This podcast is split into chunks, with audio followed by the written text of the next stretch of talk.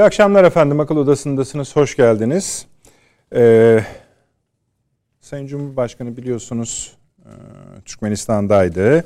Orada bir takım görüşmeleri tamamladı, geldi. Gelirken de dünya meseleleri hakkında kendisine gazetecilerin yönelttiği soruları cevapladı.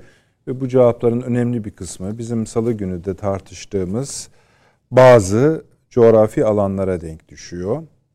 Biraz bu vesileyi kullanarak geniş bir haritayı yeni geniş ve yeni bir haritayı tekrar bu akşam gözden geçirmek istiyoruz. Tabii şunu yapacağız. Bu bazı mihenk taşları var bölgede. Bir tanesini örnek vereyim başkaları da konuşulacak. İran konusunu böyle bir şöyle düşünün efendim. Çin yönden, İran Rus yönünden, İran Batı Türkiye Batı hattı yönünden İran'ın bir tür böyle köşe bent gibi olduğunu düşünün. Ona eklenecek konuşacağımız konular. Yani Sayın Cumhurbaşkanı dedi ki Türkmen gazının artık batıya ulaştırılması gerekiyor dedi. Burada bir hat anlattı. Bu hat tabi kaba hatlarıyla Türkmenistan, Azerbaycan, Türkiye hattı ama Hazar Havzası'nı da kapsayan, kucaklayan bir hat. Bunun karayolları, hava yolları, boru hatlarıyla nasıl tamamlanacağını örneklerini vererek gösterdi ve Azerbaycan Türkmenistan'ın da bu aşamalara girişmeye başladığından bahsetti. Zengezur'a ayrıca gönderme yaptı. Ee, Rusya'nın bu konuşmalar üzerine denk gelen mi dersiniz artık bunu takiben mi dersiniz Türkiye'nin merkezi ülke, merkezi enerji hub'ı olması üzerine pozitif açıklamalarının yer aldığı bir şey geldi, duyurusu geldi Putin'in. Bu bizim aramızda da biraz tartışılıyordu. Acaba ne der Rusya bu ona uygun mudur değil midir Orta Asya vesaire. Onu da katacağız. Bir ay içinde temel çalışmaların Dışişleri Bakanlığı, Enerji Bakanlığı, sair bürokratlar arasında tamamlanıp bu dosyanın, burası da ilginç, Avrupa Birliği'nin önüne getirileceği ve Avrupa Birliği eğer arzu ediyorsa buna katılabileceği, hatta yatırımlarda bulunabileceği, onun da para vermesi gerektiği vurgulandı. Yani böylece bir blok olarak Batı ile Orta Asya arasında Türkiye'yi artık tam göbeğe oturtan bir hattan bahsediyoruz. Rusya'nın da buna aslında müspet baktığını hissediyoruz. Şimdi bunu biraz konuşacağız. Tabii biraz değil, bu çok önemli bir konu. İkinci mesele, hep konuşuyorduk biliyorsunuz. Suriye Türkiye ilişkilerinin daha üst bir aşamaya geçip geçmemesi konusunu. Ee, Rusya'nın burada arzulu olduğunu yani bu iki ülkeyi bir araya getirmek onlar bilinen konular. Ee, şöyle bir şey çizildi. Bu bir takvim ama e, önce istihbarat görevlileri zaten konuşuyorlar. Sonra savunma bakanı, bakanları bir araya gelecekler. Sonra dışişleri bakanları bir araya gelecekler. Sonrası zaten söylemeye gerek yok vesaire. Şimdi bunun bir ortak plan, ortak adım daha doğrusu olduğunun altı çizildi. Bu de, bu da değişik bir şey. Tam da bu yapılırken ya Sayın Cumhurbaşkanı şöyle demişti. Bunları kim bu petrolleri kim götürüyor buradan? PKK götürüyor, Amerika Birleşik Devletleri götürüyor. Sair. E bu nasıl? Buna nasıl gerekirse petrol yerlerini de vururuz mealinde yani mealen söylüyorum ben ki son hava harekatında biliyorsunuz çok yakın yerler vuruldu hatta kendisi de vuruldu deniliyor. Tam bu sırada Şam yönetimi de Birleşmiş Milletler'e başvurarak Amerika Birleşik Devletleri'nin Suriye petrolünü talan ettiğine ilişkin resmi başvuruda bulundu. Bu da eklendi. Bu da üçüncü konumuz efendim. Avrupa Birliği'nin Türkiye'ye yönelik başta Borrell'in açıklamaları efendim. Ona da bir değineceğiz. Çünkü çok e, sert cevap verdi Sayın Cumhurbaşkanı. Muhatabım değil zaten dedi. Yani Borrell, Borrell işte biliyorsunuz Avrupa Birliği'nin Dışişleri Bakanı diye düşünelim öyle kabul edelim. Anahtarımız böyle efendim. Bunların üzerinden yürüyerek bölge denklemlerine bakacağız. Salı gününü ufak e, hatırlatmak isterim. Şöyle bir tartışma yaşanmıştı. Tartışma derken konu başlığımız vardı. E, Çin'in körfez çıkarmasını irdelerken buradan yeni bir hat yani bir üst hat vardı savaş nedeniyle kesildi. Çin'le Avrupa arasında. Rusya hattı kapandı. Sonra bu orta yola döndü. Orta yolun merkezi Türkiye'dir. Şimdi Çin'in bir alt yol öyle söyleyelim. Su, Körfez üzerinden İran'dır hatta işte Afganistan'da katıyorlar, e, Irak, Suriye'den Akdeniz'e erişimi meselesi. Bu da bir yol olarak konuşuldu ve bu hatırlatmayı da şimdi konuşacağımız konuları ele alırken aklınızda tutmanızı rica edeceğim efendim. Başka konularımız var. Mısır meselesi. Muhakkak bir parantez açalım inşallah zamanımız yetsin. İşte konuşuyoruz aramız düzelsin vesaire vesaire. Bugün kendisi deniz sahasının bazı bölgeleriyle ilgili yeni ilanlarda bulundu ve bu ilanlar Türkiye-Libya anlaşmasını kesen ilanlardı. Bu e, sanırım Kahire-Ankara arasında bir mesafe kat edildiyse buradaki konuklarımızın şerhlerini hatırlayacaksınız. E, bunu biraz sarsacak gibi gözüküyor. Çünkü aynı gün Türkiye ile Libya'da başka bir başvuru yaptı. Yunanistan'ın Doğu Akdeniz'deki yaptığı işler hakkında. Uzatmayalım efendim. Kızıl elmamız var. Bizim için çok önemliydi. Nitekim e, bütün Amerika Birleşik Devletleri dar, bütün Batı ülkeleri, Doğu ülkeleri buna reaksiyon göster, kötü anlamda değil, yani müspet anlamda. Yani konuyu ele aldılar diyelim, müspeti menfisi yok. Çok ilgi göster çünkü bu sıra dışı bir şey. Kızıl elmanın uç, uçar hale gelmiş olması. Buna da genellikle savunma sanayi üzerinden değerlendiriliyor biliyorsunuz bu konuşmalar ama biz biraz daha onu böyle hani acaba bölgedeki anlamı üzerinden konuşmayacağız. Konuşmaya gayret edeceğiz. Dediğimiz gibi münasıren İran'da var. Diğerlerini saymayayım. Zaman kalsın bize Avni Bey. Sayın Avni evet. Özgürel burada Yeni Birlik Gazetesi. Yazarı Profesör Doktor evet. Süleyman Seyfi Ün Hocam İstanbul Ticaret Üniversitesi öğretim üyesi. Hoş geldiniz. Şeref verdiniz. Sağ olun. Perşembe'ye münhasıran Profesör Doktor Hasan Köne Hocam İstanbul Kültür Üniversitesi öğretim üyesi. Hoş Hocam hoş geldiniz. Şeref verdiniz. Ee, Avni Bey buyurunuz. Evet. Yani başka konular da var Sayın Cumhurbaşkanı'nın yani dış politika ile ilgili ama onlara da konuşabilirsiniz ama buradan girerseniz seviniriz. Ben e, bu sıraladığınız konular içerisinde benim dün dikkatimi çeken bir konu olarak e, Amerika Birleşik Devletleri'nin eski NATO daimi temsilcisi General e, Douglas Lute'un bir açıklaması var. Hı. O diyor ki PK, PKK'yı zikretmiyor. PYD diyor bizim e, Orta Doğu'daki en büyük Müttefik. müttefikimiz. Eğer PYD olmasaydı biz e, DAEŞ'la mücadelemizde bugün elde ettiğimiz başarı çizgisine yakalayamazdık.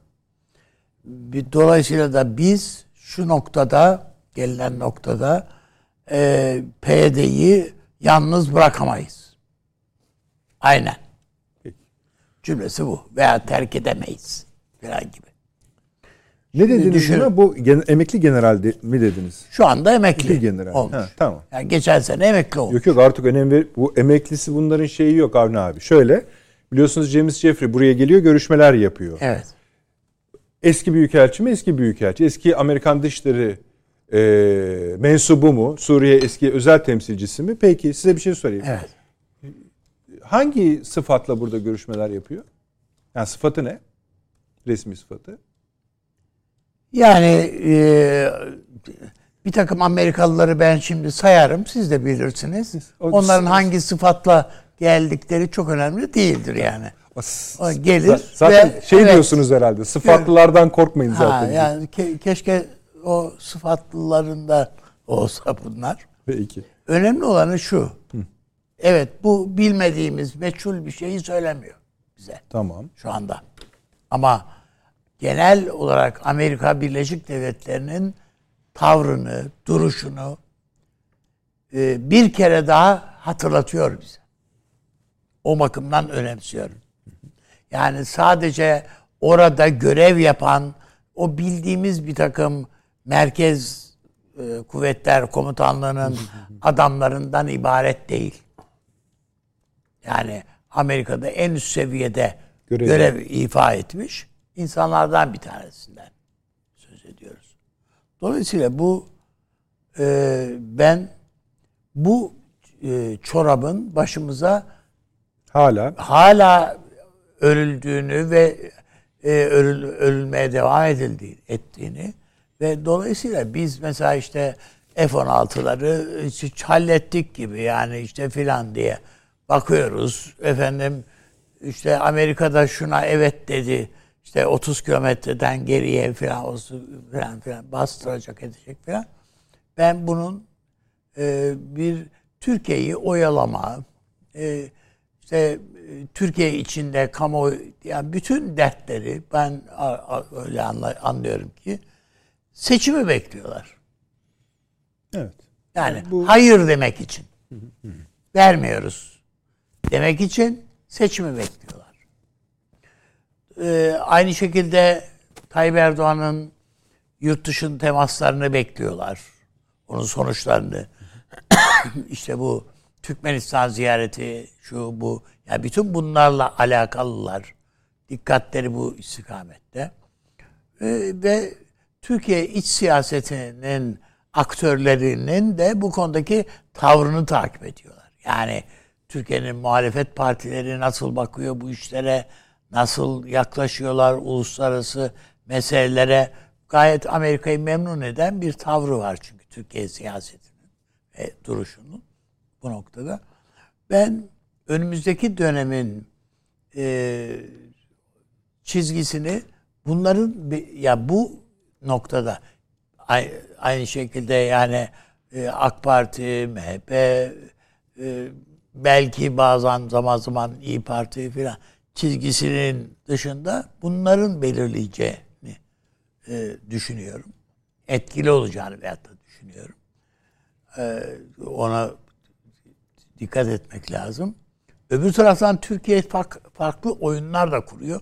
Amerika'nın bunu çözmeye çalıştığını, buralarda etkili olmaya gayret ettiğini düşünüyorum. Azerbaycan'ın mesela az önce siz de söylediniz ama e, Azerbaycan artık ayakta kendi başına duramayacağını yani e, sadece Rusya'nın şeyiyle e, bile e, ayakta durmasının mümkün olmadığını herhalde gördü.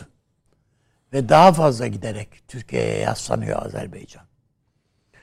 E, nitekim e, programa girmeden e, hocam da hatırlattı. Yani bu e, silahlı kuvvetlerini Türkiye yapısına göre organize ediyor olması hı hı, geçen tamam. hafta bunu konuşmuştuk hatırlarsanız. Hı hı. Şimdi de Türk modeline geçiyor. E, evet, o Türk modelini tamamlayabilecek bir unsur olarak da e, bakan yardımcısı atamasını e, bir bildiğimiz bir komutan Tabii. E, dolayısıyla e, atanmış olmasını bütün bunların bir şey olarak görüyorum ve Amerika'nın falan bunu bunu çözmeye çalıştığını yani ne yapmak istiyorlar? Dertleri bu. Bu Azerbaycan ne yapmak istiyor? Türkiye ne yapmak istiyor? Yapmak istediklerini yapabilir mi? Bir de bu yani yapabilmek yapmayı istemek ayrı. Bir de yapabilme kabiliyeti var mı yok mu yani bu? Bunu. Keza bu Türkmen gazı. Geçen programda söylemiştim. Yani evet, Türkiye evet. bu Türkmen gazını kafasından silmişti yani. Seneler önce. Şimdi tekrardan bunu şey yaptı, gündeme getirdi ve karşılık da gördü Türkmenistan'da.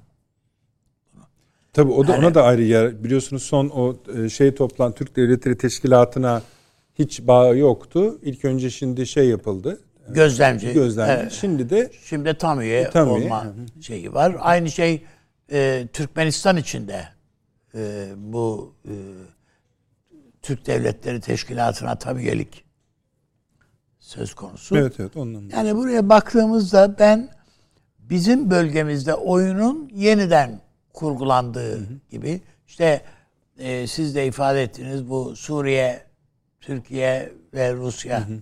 üçlü zirvesi acaba olur mu, ne olur, ne zaman olur ya. E, bu bu Amerika'yı rahatsız eden bir şey. Kesinlikle. Amerika'nın Suriye'deki bütün oyununu bozabilecek bir şey bu. Bunun biz belki biz farkındayız ama e, Suriye farkında mı? Farkında olup da ne yapıyor? Yani farkındaysa farkında olmaması mümkün değil. Suriye devleti gelenekleri olan bir şey. Evet bütün e, reflekslerini kaybetmiş gibi görünse de Ama e, o şeyleri e, eskiye ilişkin e, o birikimi devam ediyor elbette. Ama e, Türkiye'ye dönük olan e, duygularını muhafaza ediyorlar bir bakıma. Bir bakıyorsunuz yani bir araya gelelim yani bu bu mücadele şey olmasın filan teröre karşı işte sizin de derdiniz var bizde falan filan dediğinizde çok iyi olur. Siz bir Suriye'yi terk edin diyorlar. Öyle değil mi? İranların ikisinin ortak açıklaması bu. Türkiye Suriye'den çıksın. Hiçbirisinin Amerika çıksın dediği falan yok. Yani sizin e, programı açarken evet, ifade bugünün ettiğiniz gelişmesi petrolü evet. petrolü Suriye'nin petrolünü talan çalıyor, ediyor. talan ediyor ama Suriye'yi terk etsin Amerika diye bir şey yok orada. Hı hı. Yani çalıyor da ne yapıyor? Çaldığı falan değil. Onun parası marası Amerika için çok önemli değil. PYD'yi finanse ediyor Amerika. O petrolle. O kadar yani. Bunu bir kısmını... O, petrol, o petrolü Suriye rejimine satıyor mu? Suriye rejimi ne? Satış izni veriyor. Ha anladım. Yani Suriye rejimi Kendim... de bir taraftan satıyor. Onu PYD alıyor. Çıkarıyor. Tık çıkarıyor. rejime veriyor. Hı hı. Rejim satıyor. Yani Veyahut da kendisi... Kendim... Tabii de yani kendi malını çalıyor yani esasında adam. Evet anladım. Bir bakıma. Ee, bu, bunu bir şey gibi Türkiye'nin bir şey gibi veyahut da Amerika'nın bir kusuru gibi söylüyor ama esasında o çalıntıya göz yuman ve sen Türkiye bu esas buna mani ol. Bu PYD'yi falan bu böyle finanse ediyorlar. Diyeceği yere aman ha, sen Türkiye olarak sen buralara elini sokma, ayağını çek buradan filan. Dertleri bu. Ha sorduğunuz vakit Suriyeli e, bir takım şeyler, e, yorumcular diyorlar ki e, Amerika nasıl günün birinde çeker gider ama Türkiye gitmez kardeşim. E tamam Türkiye gitmez de yani eğer sen Türkiye bu bölgede bela olmaya aday güçleri pişmişlamaya devam edersen gitmez tabii. Yani ne ne yapacaktık ki? Yani sırf e, ayıp olmasın ele güne karşı diye çekip gidecek hali yok ya. Türkiye zaten açıklamış yani kendi güvenliğini garantiye al, alana kadar orada. Ve mesele sadece 30 kilometre meselesi değil. 30 kilometreden sonra 32. kilometrede PKK duracak ise Türkiye'yi rahat mı edecek? Aa 30 kilometreyi biz kontrol ediyoruz. 32. kilometrede PKK diye içimiz rahat mı edecek yani? Hayır böyle bir şey yok. Türkiye bu yani Türkiye kendisini tehdit eden terör yapısal, yapılanmasının bütün hani o bölgeden silinmesi peşinde ve o silinene kadar da ne o 30 kilometreden ne onun daha derininden çekilecek gidecek halde değil. Böyle bir lüksü yok Ankara'nın. Şimdi e, unutma abi diyeceğini. Evet. Şimdi bugün şu, o Amerika'nın tutumu yani Türkiye ile Suriye'nin yakınlaşması konusunda Türkiye'nin tutumu soruldu Cumhurbaşkanı'na. Ama dediler ki Amerika Birleşik Devletleri'nin Esad'daki girişime olumlu yönde bakmadığını biliyoruz dediler. Cumhurbaşkanı dedi ki siz demek hala e, Cumhurbaşkanınızı tanıyamadınız. Ben hmm, ben kiminle ne zaman nasıl görüşeceğim birilerinden izin alarak yapmam. Kimseden izin almam. Suriye konusunda atacağımız adımlarda belirleyici husus da ulusal çıkarlarımız olacaktır. Suriye'de güvenli bölgeden tutun terör örgütüne karşı alacağımız tedbirler içerisinde bu da bizim atacağımız adımlardan biridir dedi. Elbette. Hı. Yani e, o, Sayın Cumhurbaşkanımızın zihninde bir sıralama var Hı. bu konuda. Evet. Hatırlarsanız yurt dışında bir toplantıda eğer Esed da gelmiş olsaydı orada evet, karşılaşırdık evet. dedi. Hı. Bu bir el, el sıkışma seviyesinde ama. Yani daha bir adım ötesi değil bunun. Dolayısıyla yani e, bu Amerikalılar şey yaptı da e, o zaman karşılaşacak şayet e, selamlaşırdık değil. E, Rus veya Ruslar ayarladı da kapı, şey yapardık. Anladım. El sıkışırdık değil. Orada denk geldiğinde Cumhurbaşkanı zaten e, arzu etmediyse, etmiyor idiyse zaten görmezlikten geliyor. Yani ilk defa yapmıyor bunu. Yani yapar yani. Görmezlikten gelir, gelip başka bir e, liderle görüşmeye yönelir. Onun için yani ben önümüzdeki dönemde Suriye'nin e, elbette e, bizim Dışişleri Bakanımız da söyledi bunu zaten yani. Evet istihbarat zemininde zaten görüşüyor örgütler, şunlar böyle falan. Ama e, bunun öyle öyle çok çabuk bir süreçte önümüzdeki bir iki ay içerisinde bir liderler görüşmesinin gerçekleşmesinin mümkün olmadığı anlaşıldı. Ama bu Anlaşılıyor. sıralama ne demek? E şimdi Ha, şöyle. şöyle. diyebilirdi mesela Sayın Cumhurbaşkanı. İstihbarat servisleri zaten görüşüyorlar. Bakalım ne çıkacak. Biz de istiyoruz. Olumlu. Ama yok. Ha, yani işte öyle demedi. Bir, şimdi ilk işaretini eğer dediğim gibi yurt dışında eğer denk gelseydi şey yapardık. Tokalaşırdık, selamlaşırdık şeklinde verdi. Bu niyetli olduğunun e, bir işaretiydi. Ama karşı taraftan da aynı şey Mısır için de geçerli. Yani bu sıralamayı siz aslında daha çok katman araya koymak. evet. Evet. O anlamda söylüyorum. Yani Mısır için de geçerli. O şimdi Evet, zaten araya, ayrı konuşuyoruz. Araya Katar ayrı. matar girdi. Evet el sıkışıldı filan. Ama e, anlaşılıyor ki sadece en zaten sadece el sıkışmadan ibaret olmamış. O ama bir takım alt de, alt yapısı daha da güçlendirilmesine ihtiyaç var o. Var. Mısır Bugünkü attı adım ayrı konuşacağız onu da. Ha, gibi. Hani önemli bir Yani şey. ben önümüzdeki dönemin Türkiye açısından Akdeniz, keza Libya meselesi. Oraya geçmeden şu Zengezur'u da bir söyle. Şunun için söylüyorum. Ha. Sayın Cumhurbaşkanı orada bu haritayı çizdi. Tamamı anladık. Yine konuşacağız. Sayın Aliyev de Evet. o entegrasyon sistemlerine ilişkin konuşmaları yaptı. Evet. Fakat altına, altına değil işte konuşmasının akışına münhasıran Zengezur'u da ekledi. Evet.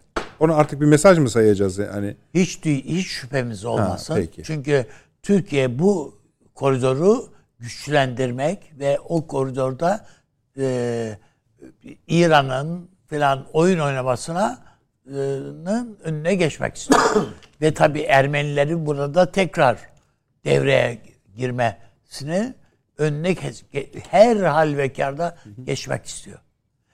Dikkat edin zaten Ermenistan şu ya da bu şekilde bir takım atraksiyonlarla e, hem barışı zedelemenin peşinde onu delmenin işte yok görüşmelere Türkiye ile yapılan ve Azerbaycan'la yapılan barış görüşmelerine Fransa'yı da katalım falan gibi bir takım ayak oyunlarıyla falan bunlara teşne. Ne kadar Türkiye'den olumlu işaret giderse gitsin Paşinyan bunun kıymetini bilemedi. Hala. siz şey düşünüyor musunuz? Bir fırsatını yakalasa gibi bir cümle Evet öyle düşünüyorum. Tüyebilir diyorsunuz. Yani hele tüyebilir. Üstelik yani şöyle bir hata yaparak e, Fransa'ya haddinden fazla güveniyor. Halbuki Fransa ortalıkta bırakacak Ermenistan'ı. Ama Fransa'nın kendi derdi şu anda bambaşka zaten. de. A- Aynen öyle. Peki devam edeceğiz. Tamam. Tamam. Süleyman Hocam buyurunuz. Hakikaten çok karmaşık bir denklemi konuşacağız yani. Ama öyle zaten. İstediğimiz ben tam de nasıl altından kalkacağım düşünüyorum. Hepimiz ga- gayret edeceğiz. Yardımcı Evet. olacağız. Şimdi şuradan gireyim belki biraz daha ilgi toplar. Bu İmran Han biliyorsunuz Pakistan'da işte hükümetten e, koptu. İşte sonra bir takım mücadelelere girişti filan. En son galiba siyaseti bırakıyorum diye çekildi. Bilmiyoruz yani nasıl bırakıyor mu bırakmıyor mu. Ben onu bilmiyorum. Neyse. Vuruldu, vuruldu E, değil mi? Evet yani suikast girişimi oldu vesaire. Şimdi bu Türkiye Cumhuriyeti ile Pakistan Devleti arasındaki o tarihsel yakınlık, dostluk vesaire bunun arkasında ulusal tabanlar var. Yani öyle sadece iki devletin yukarıda anlaşması ile ilgili bir şey değil. Derin bir duygusal bağ Tabii. ve yakınlık vesaire var. Şimdi bu İmran Han'ın biliyorsunuz Çin'le başlattığı hı hı. bir güçlü yakınlaşma dönemi var. Ya yani bu Gwadar limanı içinde de söyleyebilir. Yani işte şimdi oraya ha, gelmeye gayret estağfurullah. Tamam tamam. Yani adeta böyle yani övgüler düzüyor. Ben mesela İmran Han Çin hakkında ne düşünüyor, ne yazmıştır, ne konuşmuştur falan. Şöyle bir taradım. Dehşet övgüler yani. Dehşet övgüler. Müspet. Çin model tabi tabi. Ama bu ara bir şey daha söylüyor biliyor musunuz? Ne diyor? Bu Uygur meselesi diyor. Tamamen uydurma bir meseledir. Ha. Orada kimsenin hakkı hukuku falan da çiğnenmiyor. Bu o artık yatma olmuş. Yani o işte o, o düzeyde ona tabii, ona arz ediyorum. Şimdi aynı İmran Han Azerbaycan'da Türkiye'nin yanındaydı. Şimdi yani bilmiyor mu bu Uygurların Türk olduğunu ve Türkiye'nin bu konudaki hassasiyetini gayet iyi biliyor. Onun için Pakistan'a bir soru işareti koyalım. Peki. Yani koyalım bunu, da ne tarafa doğru izleyeceğiz? Yani şöyle şimdi Çin'in bu son Orta Doğu açılımı da, da nerede? ayağını bastığı yer Pakistan'dır. Ha, tamam. Peki. Yani Pakistan'dır. Tamam. Birinci Gwadar Limanı ve onun üzerinden baharat yolunu kontrol etmek Peki. meselesi. Şimdi şöyle bakalım. Çin, Hı. Pakistan, Suudi Arabistan, Hı. Körfez ülkeleri, değil mi yani tamam. Birleşik Arap Emirlikleri evet, vesaire. Evet, evet, Şimdi bunu bir yere koyalım yani. Bir yere koyalım. Onun üzerinden bir ek açılım Suriye ve Irak açılım. Şimdi burada nerede duruyor Çin? Çin'in yaptığı son açıklamaya bakalım. Türkiye asla kara harekatı yapmamalıdır. Evet. Bu bizim kesinlikle tasvip etmediğimiz bir şey. Ya Çin neredesin? Bura hakkında niye bu kadar böyle tutuşmuş gibi bir açıklama yapma gereğin ya? Her konuda yapıyor mu Çin diplomasisi, dışişleri? Yani burası ne oluyor yani? İşte orada siz hani neredesin, Çin nerede derken nerede? Nerede? Şimdi bir kere söyleyelim. Kimin yanında? Esad'ın yanında. Arkasına Arap Ligi'nin rüzgarını almış durumda. Ve bu, bu rüzgar önce iki tarafa doğru esiyordu. Şimdi bir tarafa esmesi engellendi. Çin'in İran'la yaptığı özel anlaşmalar. anlaşmalar. Salı günü bahsettiğimiz ha. çok Ama sayıda... Arap Arap milliyetçiliği, bugünkü anlamda Arap milliyetçiliği hem anti-Fars hem anti-Türktür. Dolayısıyla şöyle düşüneceğiz. Çin buraya geliyorsa anti-Türkiye olarak geliyor. Siyaseten. Ha bu siyaseten bu pozisyonu ticari ve ekonomik çıkarlar bağlamında girişilecek pazarlıklarla yumuşatılabilir.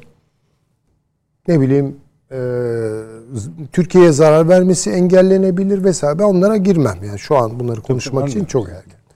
Ama şu an e, onu paşamız da söyledi. Ben onu sonra biraz da inceledim. Hakikaten öyle. Kapı gibi Esad'ın arkasındalar. Bu net. Ve bu Amerika'yı çok telaşlandırdığı için yani ne oluyor yani? Bir anti Esad söylem bugünlerde Amerika'dan yükseliyor. Bunu şimdi, koyalım. Yani şimdi Çin'in arkasına koyarken Rusya'nın da zaten orada olduğunu da belirterek. Rusya da orada. Tabii. Yani ama Rusya hı hı. Rusya da bundan çok bence hoşlanmış değil. Hı hı. Çünkü İran Çin denklemi. Tamam. Yani dolayısıyla şimdi zaman zaman e, Rusya İran'a şöyle bir geri dur filan da diyebilir yani. Değil mi yani? Artık ne kadar diyebilir onu bilmiyorum. Şimdi bağlamı tekrar kuracağım konteksti yani. Çin, Pakistan, İran, Suudlar, Körfez ve Irak, Suriye açılımı. Valla bu düşündürür. Bu neyi düşündürür? Şimdi hep konuşulan şey şu değil miydi? Yani Körfez'in petrolünü Avrupa'ya akıtacak hat ne olacak? Kavgalar bunun etrafında oluyor demiyor muyduk? Evet. Bu şu demek. Bu hattın bütün enerji birikimini Çin alıp doğuya çekiyor. Yani Avrupa'yı Körfez bundan sonra ne kadar besleyecek? Zaten mırın kırın edip duruyorlar. İstihsali arttırmıyorlar, üretimi arttırmıyorlar biliyorsunuz. Değil mi yani? Çin Ne dedi? Ben dedi e, Körfez petrolünün en büyük alıcısı olacağım. Anlaşmalar da ona göre yapılıyor. Rakamlara baktım. Suudi Arabistan'la Çin arasındaki ticaret hacmi son 10 yılda yüzde 200 küsur artmış. Ne demek bu ya? İnanılmaz bir şey yani. Şimdi şöyle yani bunu şöyle anlayabiliriz. Çin bu açılımı yapmak suretiyle ben buna baharat yolu açılımı diyorum kısaca. Bu baharat yolu açılımını yapmak suretiyle buradaki artığı çekmek niyeti bu. Yani Çin'e doğuya çekmek. Tabii tabii. Bu Güzel. bu bu bir enerji açılımı. Güzel. Bunun lojistik ve ticari arka planı var mı? Var. Yani onu bugün yapamazlar da yani ne zaman denk yani şu an gölgesinin bilmiyorum. düştüğünü söylüyoruz. Bizim e, yaptığımız e, tabii, bu. Tabii. Gölgesi yani seyirci, buraya düştü diye. Tabii hem de nasıl düştü? Tabii tabii. Ve oradaki birikimi, oradaki artığı doğuya çekmek. Ya bu Avrupa'yı biraz daha üşütecek ve titretecek olan bir şey. Bir saniye durduruyorum sizi. Evet. Şimdi yani izleyicilerim şöyle de yapsın. bahsettik ya Sayın Cumhurbaşkanı'nın çizdiği harita neydi? Oranın en doğunun enerjisini Ha işte. Heh, şimdi tamam, bakın böyle, oraya oraya buyurun, geleceğim. Tabii, bir saniye zaten. Estağfurullah. Ee, sayın izleyicilerimiz eski baharat yolu haritalarına baksınlar. Bunun en kilit iki e, ucu vardır. Biri Palmira'dır. Suriye evet. sınırları. Öbürü Antakya'dır. Oradan tevzi edilir. Evet. Doğu Akdeniz ticaretine katılır. Şimdi bu yolu Çin kolonize ediyor.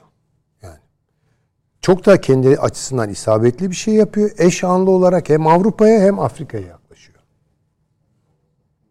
Şimdi bu güney yolu. Değil mi yani sizin çizdiğiniz güney hattı. Tamam. Evet. Üçüncü Güzel. yol diyorlar. Üçüncü yol diyorlar. Yani üst yol tıkalı. O yol biraz tabii, daha tabii. aktif. Tabii ve ağırlığını artık oraya veriyor. Şimdi orta koridor bir kere kuzeye bakalım önceki. Kuzeyi gözden çıkarttı gibi bir şey. Hiç Çünkü yani Rusya var orada. Ukrayna Rusya savaşı var. Tıkalı gibi oldu. Ee, evet yani Rusya ile Avrupa'nın arasına blok çekilmiş bilmem ne. Ya bu istikrarsız bir şey. Orta yol. Ha, kavga orta yol üzerinde. Çünkü ben şeye baktım gene e, gelmeden evvel. Çin gerek Kazakistan'la gerek Türkmenistan'la özel enerji anlaşmaları yapmış ve boru sistemlerini çalıştırıyor. Yani şöyle diyelim Kazak petrolü, doğalgazı neyse ve Türkmen doğalgazı ve pet, petrolü neyse Çin'e gidiyor zaten. Daha 2020'de Avrupa Birliği yeni adım atıyor. Yani bir hatta bize çekilsin. yani Avrupa'ya. Daha bu işte onlar şimdi bedelini ödüyorlar. Ha ya bunu Tabii. bunu yapamadılar. Ya yani bunu yapamadılar. Bakın bahsetmedim açılışta. Bugün Avrupa ha. Birliği Liderler Zirvesi vardı. Konunun yüzde sekseni bu enerji işi ne olacak? Ha, ne olacak? Evet, güzel. Ama ben 2020'de mesela Almanya'nın Türkmenistan'a heyetler gönderdiğini ve bir proje üzerinde çalışıldığını. Bak 2020. Yani daha iki sene evvel. Şimdi bu şunu gösteriyor. Bu orta koridorda bir kavga var. Şimdi bu kavgaya hangi e, güçler nasıl yaklaşıyorlar buna dikkat edelim. Rusya kendine kalsa ve kuzey akım çalışsa bence hiç dert etmez. Yani bunun karşısında yer hatta bunu baskılar. Yani Kazakların enerjisini, Kazakistan enerjisini veya Türkmen enerjisinin Avrupa ile buluşmasını istemez. Yani ne der? Benimki var işte ya kuzeyden ve en yakın ve en şey hatta tercih de edilir tabii ki bu. Ucuzluk açısından hani yol takip edilen yol itibariyle. Ama Rusya'nın damarını kestiler. Şimdi Rusya yeni bir yatırım peşinde. Dolayısıyla Türkiye'nin Rusya'nın gözünde itibar ve önem kazanmasının asli sebeplerinden biri Rusya'da bu ikinci hatta yatırımda bulunuyor. Üçüncü hat onu mutlu etmeye etmez, etmez yani. Evet. Etmez. Hocam şöyle bir şey yapalım tam virgül koyduğunuzda. Tabii. Efendim hani ara saymayın. 40 saniyenizi istiyoruz. 40 saniye yani eliniz kumandaya bile gidemez 40 saniyede. Hemen geleceğiz. Çok heyecanlı bir yerde kaldık efendim. 40 saniye. Hızlı döndük. Süleyman Hoca'ya da öyle dönelim. Evet. Rusya 3. yolu istemez dediniz ya da en az işine gelen bölümdür. Yani Buyurunuz. E, birinci yol yukarıdaki yolu zaten artık Rusya'da kaybettiğini görüyor. Çin de tabii ki kendi anlaşmalarını yapıyor. Ama ona ucuz şu an petrol veriyor. Yani. Şimdi dolayısıyla Rusya yeni bir yatırım alanı bulmak zorunda. Yani Kuzey Akım'ın boru hattını bugün tamire başlasalar 3-5 sene falan sürecek yani öyle kolay iş değil o. Dolayısıyla burada Türkiye'yi gözetiyor. Ve Kazakistan'ın ve Türkmenistan'ın enerji kaynaklarının batıya akmasına ses çıkartmıyor. Yani oraya kendi şeyini de eklemleyecek. Evet öyle gözüküyor. Öyle gözüküyor. Bu Türk-Rus işbirliğinin can damarıdır bu iş. Yani siyasette dalgalanmalar olabilir, itişler olabilir, kakışlar olabilir vesaire. Hemen buna oturmayabilir. Ama bundan sonra Türk-Rus ilişkilerinin zeminini bu mesele teşkil edecek. Bu ister istemez Türkistan meselesi. Bunu Çin de hiç istemeyecektir tabii ki. Yani bu Türkistan bölgesinde Türkiye'nin etkinlik kazanması anlamına geliyor. Ve bu doğrudan Uygur sorununa gider yani. Ve Rusya da bunun biraz kenarında durur yani. Şimdi demek ki orta hatta kenarında Türk, durur ne demek? Bunun oynar yani, anlamında mı yoksa? Yani ha? tabii çok profil vermez zannetmiyorum ama yani böyle Çin'in hemen yanında da yer almaz. Çin'le de bunun pazarlığını başka şekilde yapar. Şimdi bu Türkistan bölgesindeki burada üç kilit şey var. Yani kaynak itibariyle Kazakistan, Türkmenistan ve Azerbaycan. Şimdi siz duyduk, duydunuz mu bilmiyorum ya da sayın izleyicilerimiz duydu mu? İr, e, Azerbaycan Çin'le anlaşma yaptı ve Çin'e bir hat açtı. Öyle bir şey duydun mu? Yok öyle bir şey. Batı'ya oynuyor. Azerbaycan haklıdır. Akıllıcadır bu. Türkiye buna dahil oldu. Gürcistan da buna e, dahil tabii Tiflis üzerinden değil mi?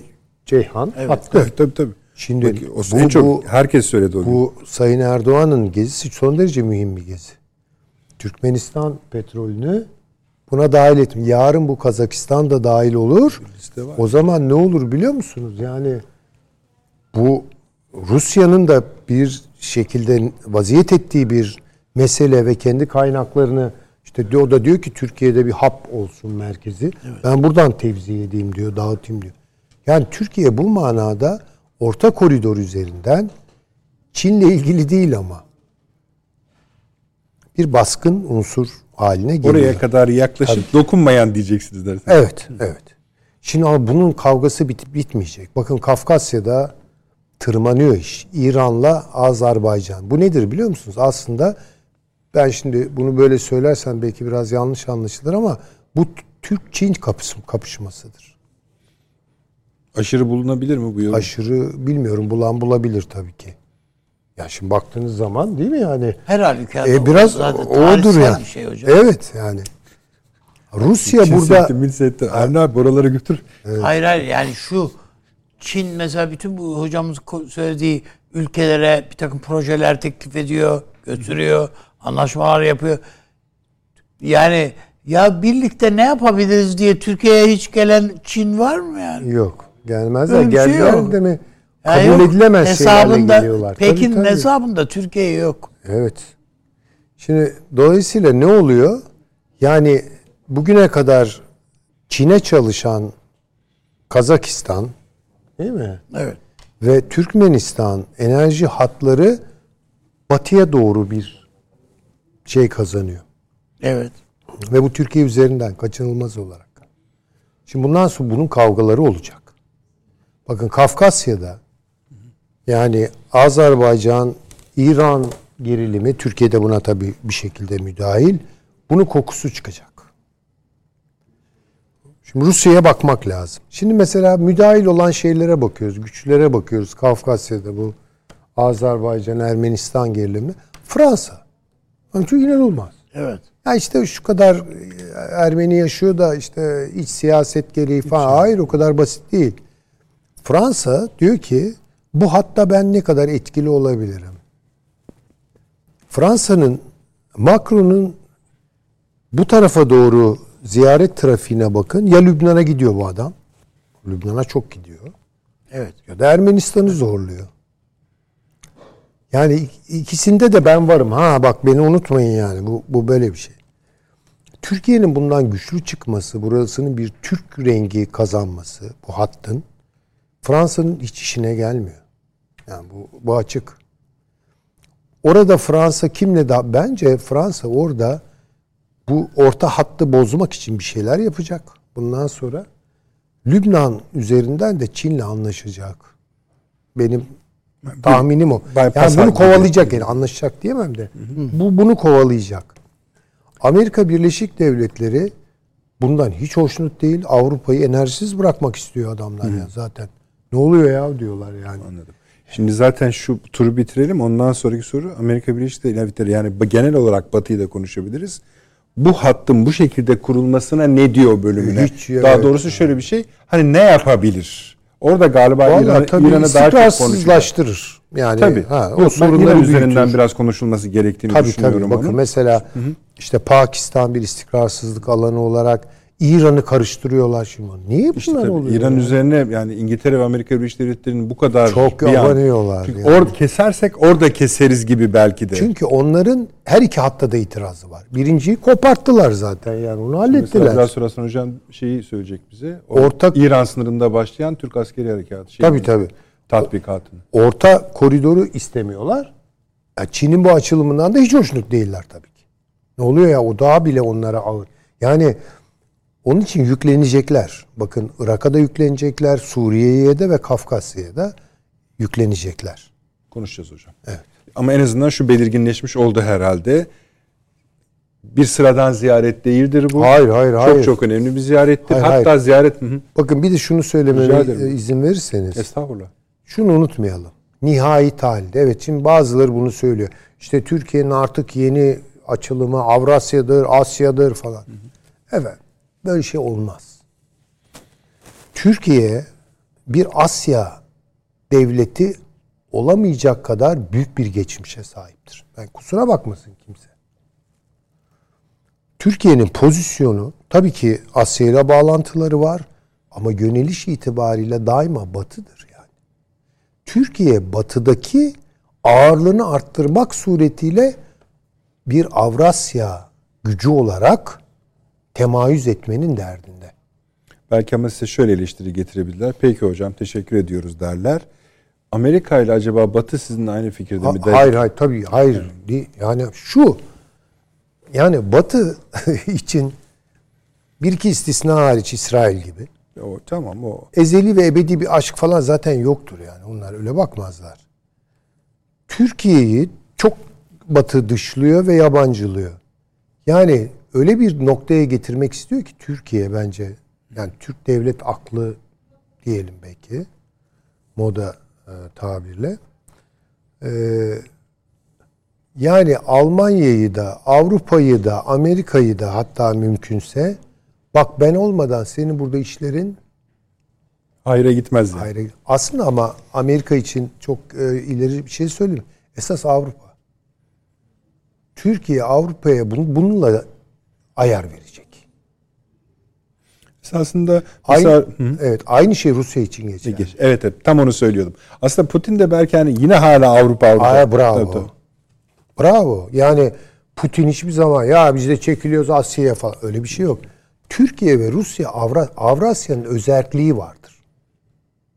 Avrasya sadece Avrupa ile Asya arasında yer almak değildir. Avrasya iki tarafa da Avrupa'ya da Asya'ya da yakın şunu olmak anlıyoruz artık. Yani sizin aslında Asya'yı kastettiğiniz evet. şey Çin. Tabii. Yani Avrasya dediğiniz zaman başka bir blok kütle, kütleden yani bahsediyorsunuz. Çin standartlarını Rus hayat tarzına ve Rus aklına ka- kabul ettiremezsiniz. Ben söyleyeyim. Türk aklına da uymaz bu iş. Evet. Peki. Bizim başka bir aklımız var. Yani şunu da tabii ben hani belki onun üzerine de sonra konuşuruz artık yani bunu da.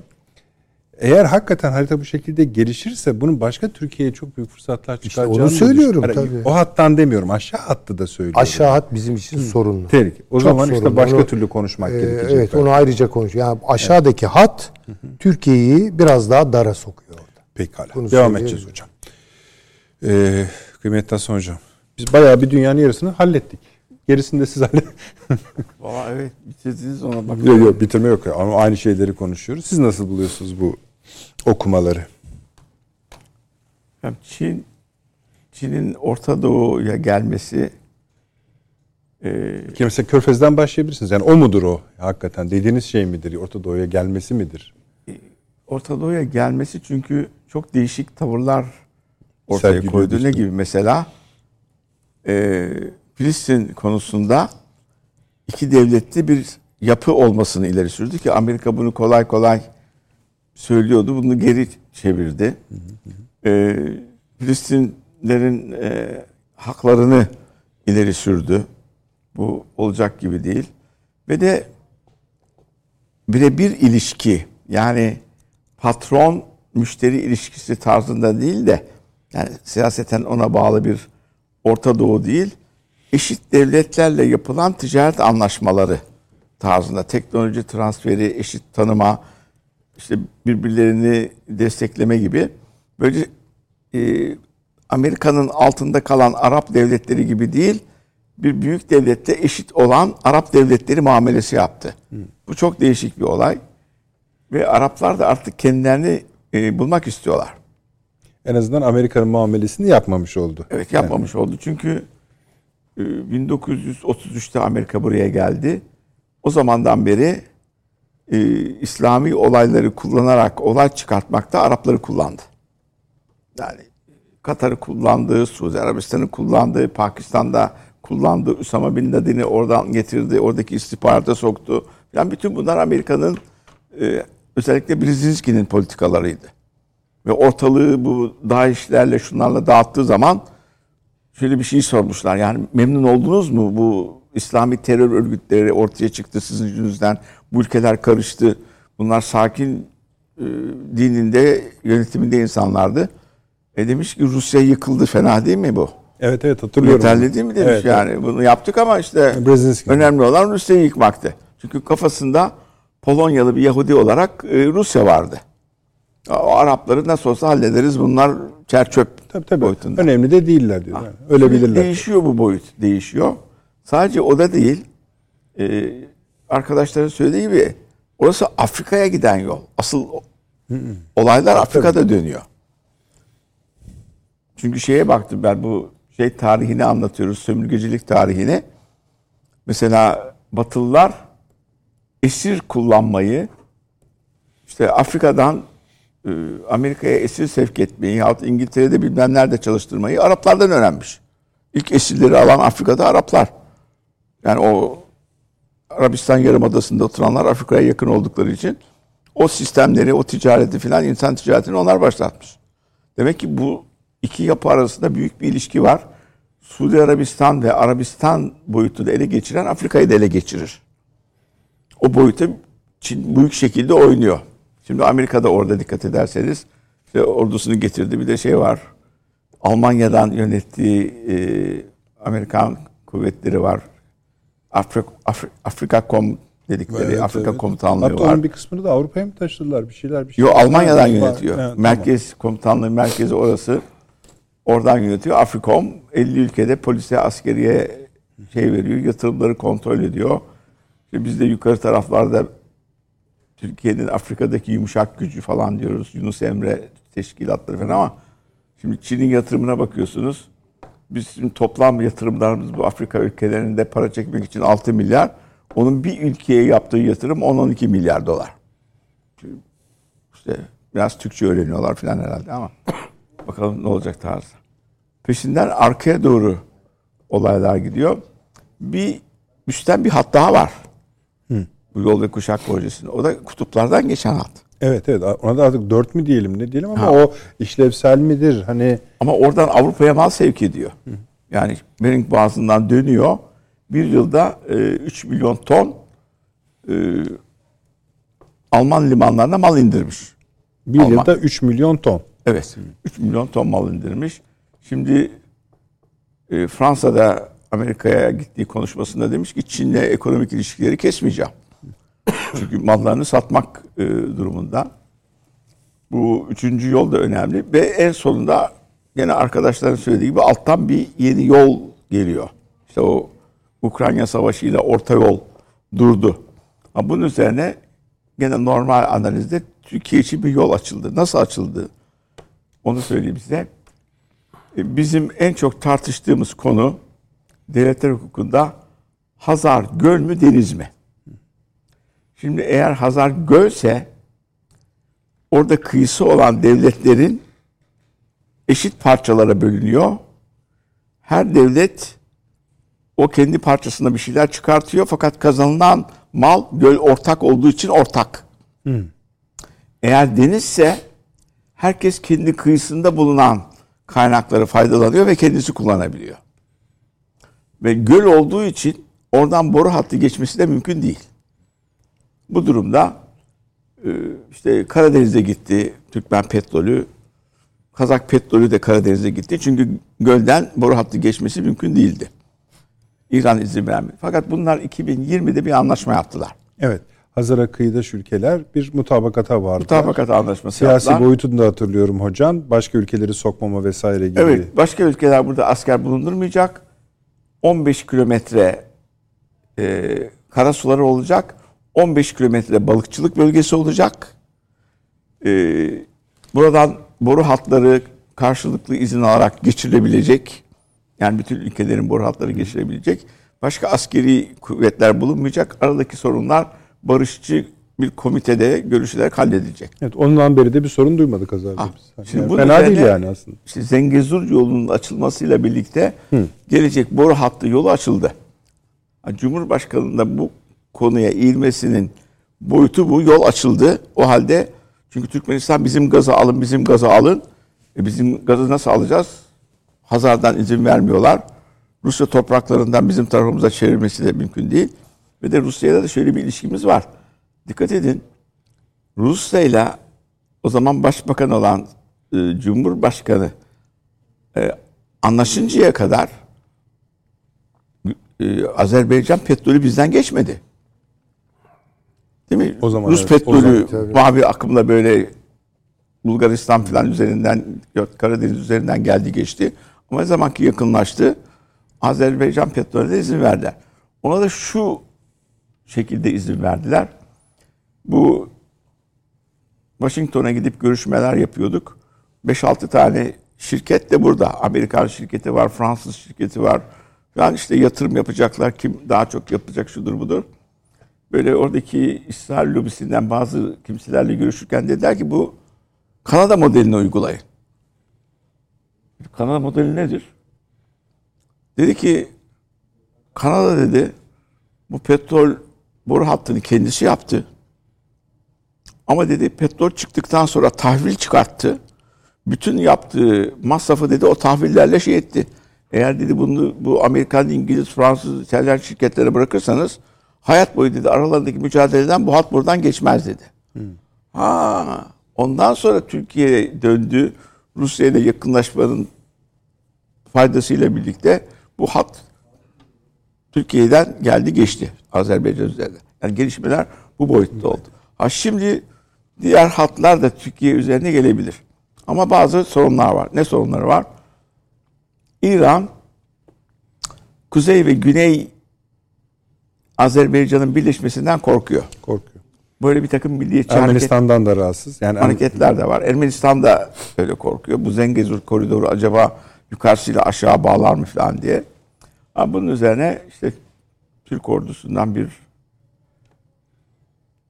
söyledikleri gibi kor generalimiz Savunma Bakanlığı danışmanı oldu ve ilk defa operasyonlar Tabii. ülke içinde yapılırken Zengezur sınırlarında askeri operasyonlar çekinmeden yapılıyor. Evet.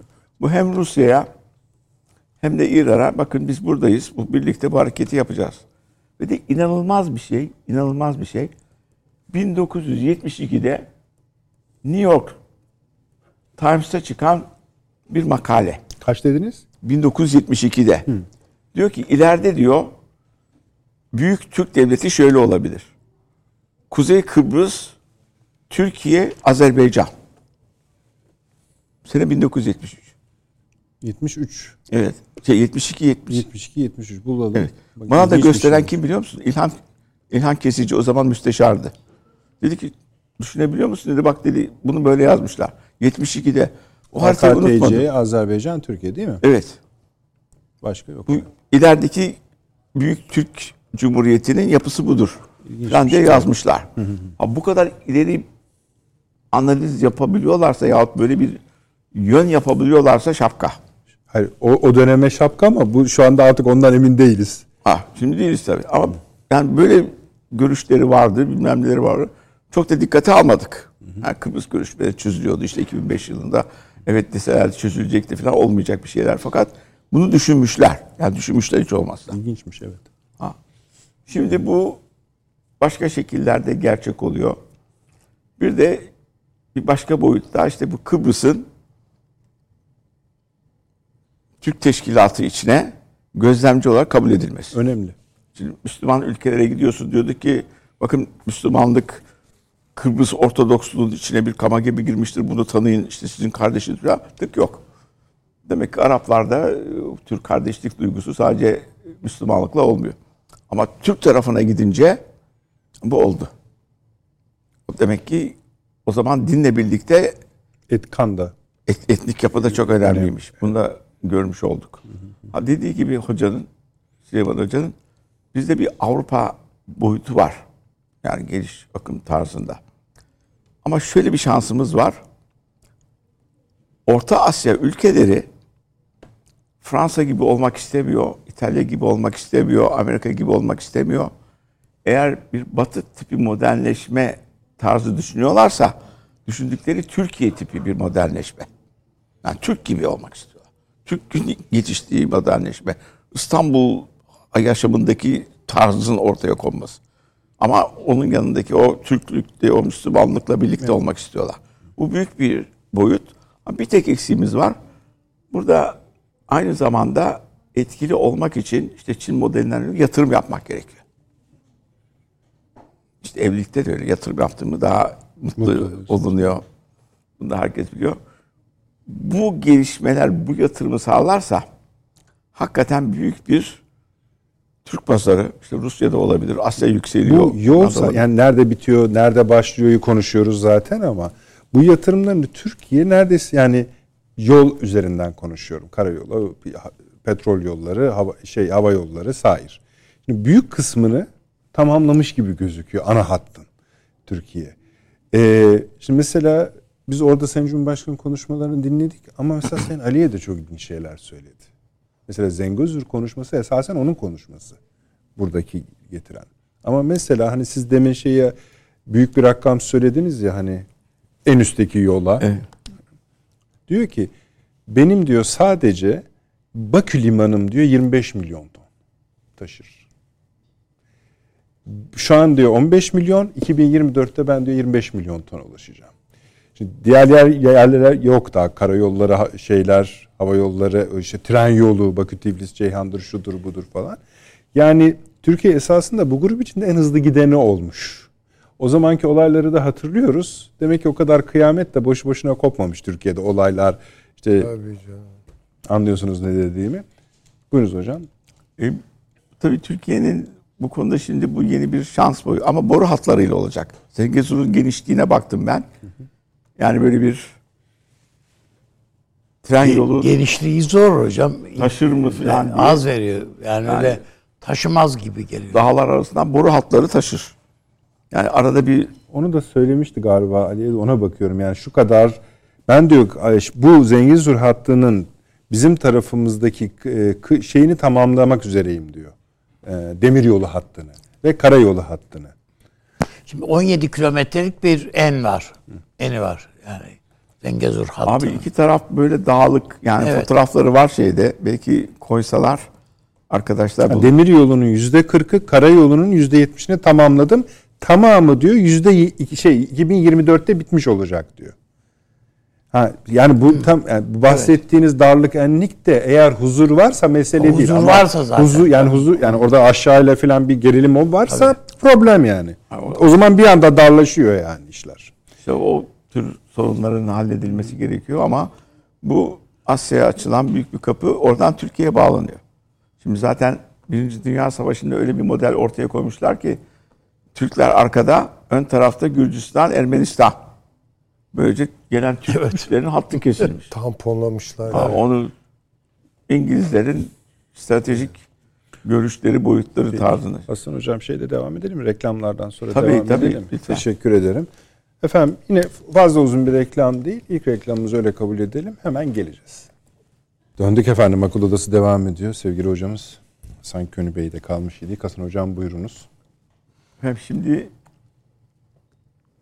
İ- İran'da şöyle bir şey. Bir takım milliyetçi konuşmalar, görüşmeler olabilir. Cumhurbaşkanı bir şiir okudu ondan böyle Huylandılar. oradan geçen bir şiir falan. Bu tür şeylere, e, kelimelere falan hassaslar. Türkiye'nin hiçbir ülkeyi kendisine tehdit oluşturmadığı müddetçe ne bölme, ne içini karıştırma, ne de oraya karşı bir hareket yapma gibi bir şey yok. Yani 100 senelik tarihinde böyle bir şey yok. Hiçbir zaman. Yani bununla gurur da duyabiliriz Tabii esasında. kendisini Temiz bir korumak şeydir. için şey diyor. Koruduğu zaman da gücünü gösterir kendisi. Ha, bundan İran'ın em- emin olması lazım. Yani onları dağıtan, bilmem ne hareketleri yapan falan biz değiliz. T içine kadar girip adam vuran İsrail istihbaratıdır. Öyle. Ha, onları göremediklerine göre tutup da birkaç şairin lafından heyecanlanmaları da Ayrı bir o da mesele. e, şey duygusal salakizmin bir boyutu. O yüzden Ama şey tabii bayağı bunları korkuttu ee, Hasan Hocam. Bu Azerbaycan Savaşı'nın sonuçları. Ama yani kendisini korumak için işgal edilmiş toprakları koruyor. o tamam ama şimdi diyor ki yani bu adamların ulusal güvenlik şeyleri paranoyaya dayanıyor İran'ın. Hani bize bir tehdit olduğu zaman MGK oturur konuşur. Bakanlar İşte biraz da o Sayın Cumhurbaşkanımızın okuduğu Laçin şiiri biraz tabii kaşıyor yani. peki. O, o da yani çok e, bir şey söylemek için değil, o şiiri okuduğu için. Hani çeşitli... Ama oradaki muhataplarına hitaben yapıyor. Tabii yani oradaki... Ama anladılar. Hemen o fa- evet. Biraz İran anladık. parlamentosunda hemen Tabii yükseldi. canım. tepki. Hiç yani. Ve fazladan size bir şey söyleyeyim mi? Hem İsrail hem Ermenistan çok rahat barış görüşmelerine girebilir. Burada önemli kısım diaspora. Yani bazıları diyorlar ki diaspora bu kadar çok milliyetçiyse gelsin burada. Orada bir ülkemiz var. Sonuna kadar direnmelidir. İşte Van, Erivan, yeni Van demek Erivan bilmem ne falan. Ama nerede? Kaliforniya'da. Ha, oradan böyle siz direnin. E gel bakayım o koşullar altında yaşa. Tabii parası Ben- var, pulu var. Ha, Parası Türkiye burada. Ama sen onun adına milliyetçilik. Aynen şey gibi, Ukrayna gibi. Amerika adına milliyetçilik ölenler Ukraynalı silah Amerika'dan geliyor ama siz çok milliyetçisiniz helal olsun numarası. Aynı şey Yunanistan'da var. Şimdi bizimkiler tam karşısında bizim sitenin bir ada var. Bu tarafa doğru. İsmini söylemeyeyim. Dediler ki adanın bu tarafını zengin toprak sahipleri var. Alalım. Sitenin bazı evlerini oraya yapalım. İsteyen yazları o tarafa geçsin. Peki. Bir de sahibi var. Oteli varmış. Dediler ki biz bu oteli büyüteceğiz. Sen otelin ortağı olacaksın. Oradaki kıyı şeridi de senin, sen işleteceksin. Dedi ki bir milyon dolar borcum var. Onu da ödeyeceğiz. Adam dedi peki. Kim hayır dedi biliyor musun? Kilise. Türkler geliyor diye. Biz de orada cami kuracağız da demedik. Yani Türkiye'nin en kaymak kısmı karşılıklı zaten günde 300 tane gemi kalkıp gidiyor falan. Ha şimdi ummadık kendisini amaçları uğruna bütün bu devletleri kullanan ve onları sefil şekilde kullandıran bir e, dış e, kendi memleketlileri var. Yani olayın şey etmesi o. O yüzden Azerbaycan'ın direniş yapması. Daha evvel 92'lerde bir cumhurbaşkanı vardı. Tarihçi. Dedi ki bu 100 senelik olayları bırakalım. Türkiye'ye açılalım. Oradan Avrupa'ya açılan kapımızdır bu. Zenginleşiriz. Adamın tepen aşağı etti. Ermenistan Cumhurbaşkanı. Evet Ermenistan tabii. Cumhurbaşkanı. Petrosyan. Petrosyan. Şimdi bu adam da geldiğinde gayet liberal bir adamdı. Şimdiki Cumhurbaşkanı. Yakınlaşmak istiyordu, bilmem ne istiyordu. Birdenbire 2018-19'da Delirdi. ta- tavrı değişti. Niye? E seçimi almak için Herhalde dışarıdan para geliyor, pul geliyor Amerikalı Ermenilerden şunlar. Ondan sonra o olaylara girdi. İşgal et, sen ülkenin topraklarını işgal etmişsin. Hangi dönemdesin? Nereleri şey ediyorsun? Şimdi Azerbaycan kendi topraklarını aldı. Bir takım sorunlara uğramış. Ne gibi boyutlar getirdi? İki toprak parçası var birbirine bağlı değil. Bir de bir koridorla bağlanıyor. Bunun herhangi bir ülkeye tehdit oluşturması diye bir boyut yok. Bilakis Türkiye'nin sağlam bir hale gelmesi İran'ı daha sağlam hale getirir. Çünkü İran'dan bir istediğimiz yok ki bizim. Ama İran'la bu bizim başından beri derdimiz. Mesela şu anda bile birçok konuda azıcık hani komşuya hürmeten bak diplomasi falan değil komşuya hürmeten kendisinin de bir şey kaybetmeyeceği adım atsa o kadar sorun çözülür ki. O kadar çok sorun çözülür. İşte Ama yapma. Geçmişte de yapmadı. Yani biz bir de başımıza bin türlü hatırlayın iş açıldı. Ee, Sayın Cumhurbaşkanı gitti. Bunları hani el ele Brezilya mıydı? Ee, Süleyman Hocam Brezilya Devlet Başkanı mıydı? Orada Tahran'da el ele tutuştuk. E, şeye Lula kaldırdık falan beraber. filan. Lula ile beraber. Evet Lula evet. Ee, Aks tartışmaları Türkiye'nin aksı kayıyor tartışmaları o tarihte başladı. Oradan beridir yani bize yüklenmeleri bu konuda özellikle. Halbuki biz onların nükleer sorunu çözecektik, zenginleştirdik. Evet, evet, Şeyleri biz alalım Evet. dedik. Bilmem ne dedik, sorunlarınızı çözelim dedik. Oradaki iki halk ayrıdır dedik. Sadece Güney Kuzey Azerbaycan'da Türk yok ki. Ortasında Kaşgar Türkleri var o dağların tepelerinde. Hazar Denizi kıyısında Türkler var. Yani Türk istiyorsan metrekare üç tane düşüyor. Ne onlarla uğraştık, ne onlara geçirdik. Ne şeyleri yaptık. Ama işte psikolojik fobiyalar yaratıyorlar. Batı'dan kaynaklanan analizleri okuyorlar maalesef herkes gibi. Bir de şimdi bizde. içeride de darlıkları var. E, var Profesör ondan sonra iyice bir fobiya biz bölünüyor muyuz, geliyor muyuz, gitmiyor muyuz? Türkiye'nin NATO'da olmasının böyle bir takıntılı boyutları var. Ondan çekilecek. Çin'in de öyle. Çünkü Çin buna yakınlaşmak istiyor. Türkiye'nin bir Uygur politikası belli bir zamandan sonra sakinleşti. Fakat NATO'da olması, Amerika ile konuşması ve Amerika'nın da dış işlerinde çalışan yüzlerce Çinli var. Çünkü Çin'e adam atıyor büyükelçi. Yuhalamak için toplanıyorlar. Bir inen büyükelçi Çinli. Tam küfredecek bir bakıyor. Aa, kendinden biri aşağı iniyor. Çince hoş geldiniz arkadaşlar. Amerika sizi selamlıyor diye gün düşüp bayılıyor merdivenin altında. Amerika böyle bir ülke. Hatta dedi ki teknoloji konusunda rahatsızlık diyorum. Bir kısmı dedi gidip Çin'de çalışmaya devam etsin. Bütün teknoloji şirketlerinde Çinler çalışıyor. Hocam zaten Amerika'da o em- şey bu süpersonik e, roketlerde falan en, en üst seviyede e, şey yapan akademisyenlerden bir tanesi Çin'e kaçtı biliyorsunuz. Tabii. Ee, Amerika bu sefer Çinli şu bu öğrencileri belli şeylere almamak kararı aldılar. Şimdi e, Ukrayna Genelkurmay Başkanı'nın bir açıklaması olmuş şimdi taze. The Economist'e yatmış. Ee, şöyle diyor. E, Valery Zaluzhny. E, Rusya'nın bombardımanları Ukrayna Silahlı Kuvvetleri üzerinde demoralize etki bir demoralize edici bir etki oluşturuyor. Kritik bir eşiğe geldiğimizi düşünüyorum. Daha yoğun bombardımanlar Ukrayna'nın tüm enerji sistemini devre dışı bırakmak üzere